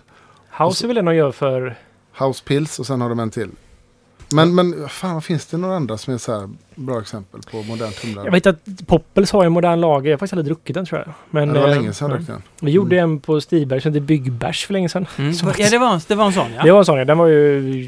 Jag, jag tog ju det som var Stigbergs pilsner på den tiden i stort sett. Som vi... Alltså när jag började på Stigberget så var ju minst 50% av produktionen var ju pilsner. Ja, det, men från början var det väl tänkt att bara pils, göra pilsner? Ja, ja, visst. Det var ju när All In kom in där och började skoja till det med humliga öl och sådär som Ja. Nils bara, vad är det här? Typ, kan man, vadå, kan man göra det här också liksom? Så bara, ja det kan man göra.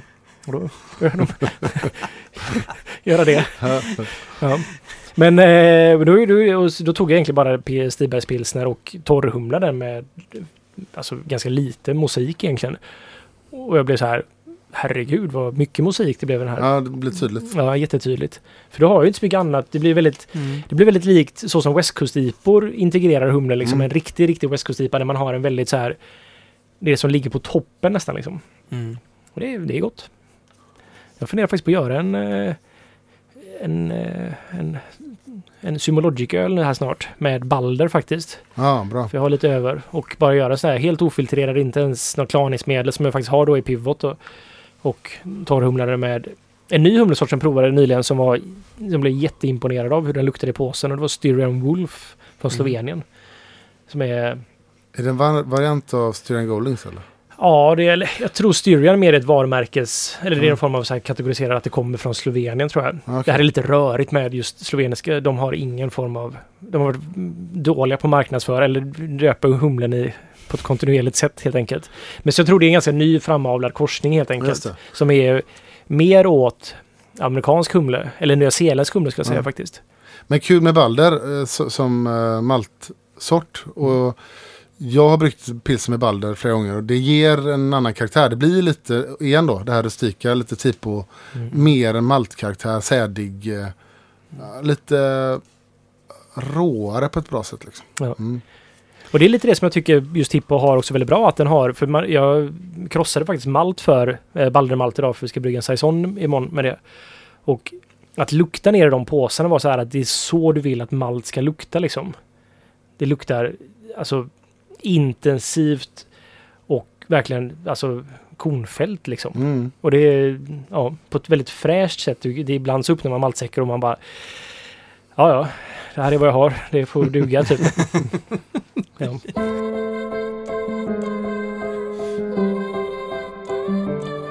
En sak som börjar dyka upp i, i sociala medier. Nej, det är ju ni som har skickat till mig. Ni har sett saker i sociala medier som har hetat hard seltzer.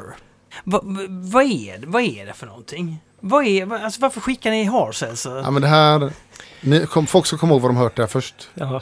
i Sverige då. Det är ölpölen. Det är en trend som är stark i USA. Som Ja. kommer garanterat komma hit. Den är starkast i USA. Den finns även i England och Australien men det är obefintlig i resten av världen.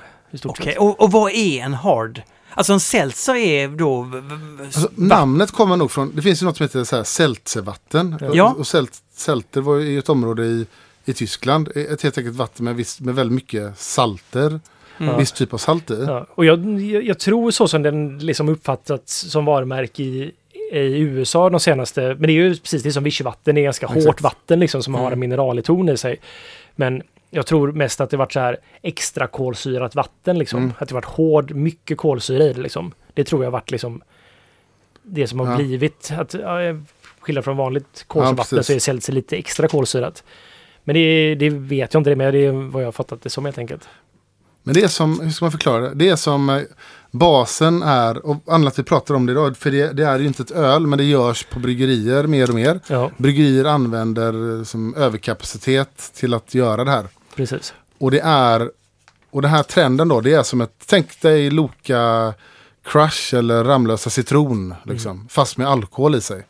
Det vill säga som en icke söt eh, alkoläsk liksom. Precis. Så det passar väldigt bra till en medveten livsstil där man försöker få i sig väldigt få kalorier. Så att den marknadsförs precis som, det är många av dem ligger på burk och de marknadsförs som eh, low calorie, low carb. Eh, är liksom som träningsprodukter nästan fast med Va? alkohol i. Eller för folk som tränar eller som Ja. har en hälsosam livsstil liksom. någonting att bryta av också. För det har ju blivit så här, det här har blivit jättepopulärt bland ölnördar i USA också att man dricker hard seltzer. Så jag tror det är någon form av avbrott mot att öl har blivit väldigt mycket smaker med ganska mycket kalorier. Så att, men de vill fortfarande ha i sig alkohol så då dricker de ja, hard seltzer helt Ja. enkelt. Men det har ju bara på ett par år blivit så här. Nu, eller senast jag läste var det 1,5 procent av amerikanska öl och cidermarknaden är hard seltzer. Mm. Alltså volymmässigt då. Det här är ju inget öl, men man jäser liksom socker. Ibland är det jäser, har man även en maltbas. Men det kan ju inte vara 100% malt för då tappar hela poängen med, eh, med low carb. Nej, men det brukar vara det är någon form av grain alkohol i alla fall på Ja. något sätt så här att man har Socker och malt förmodligen då. Ja.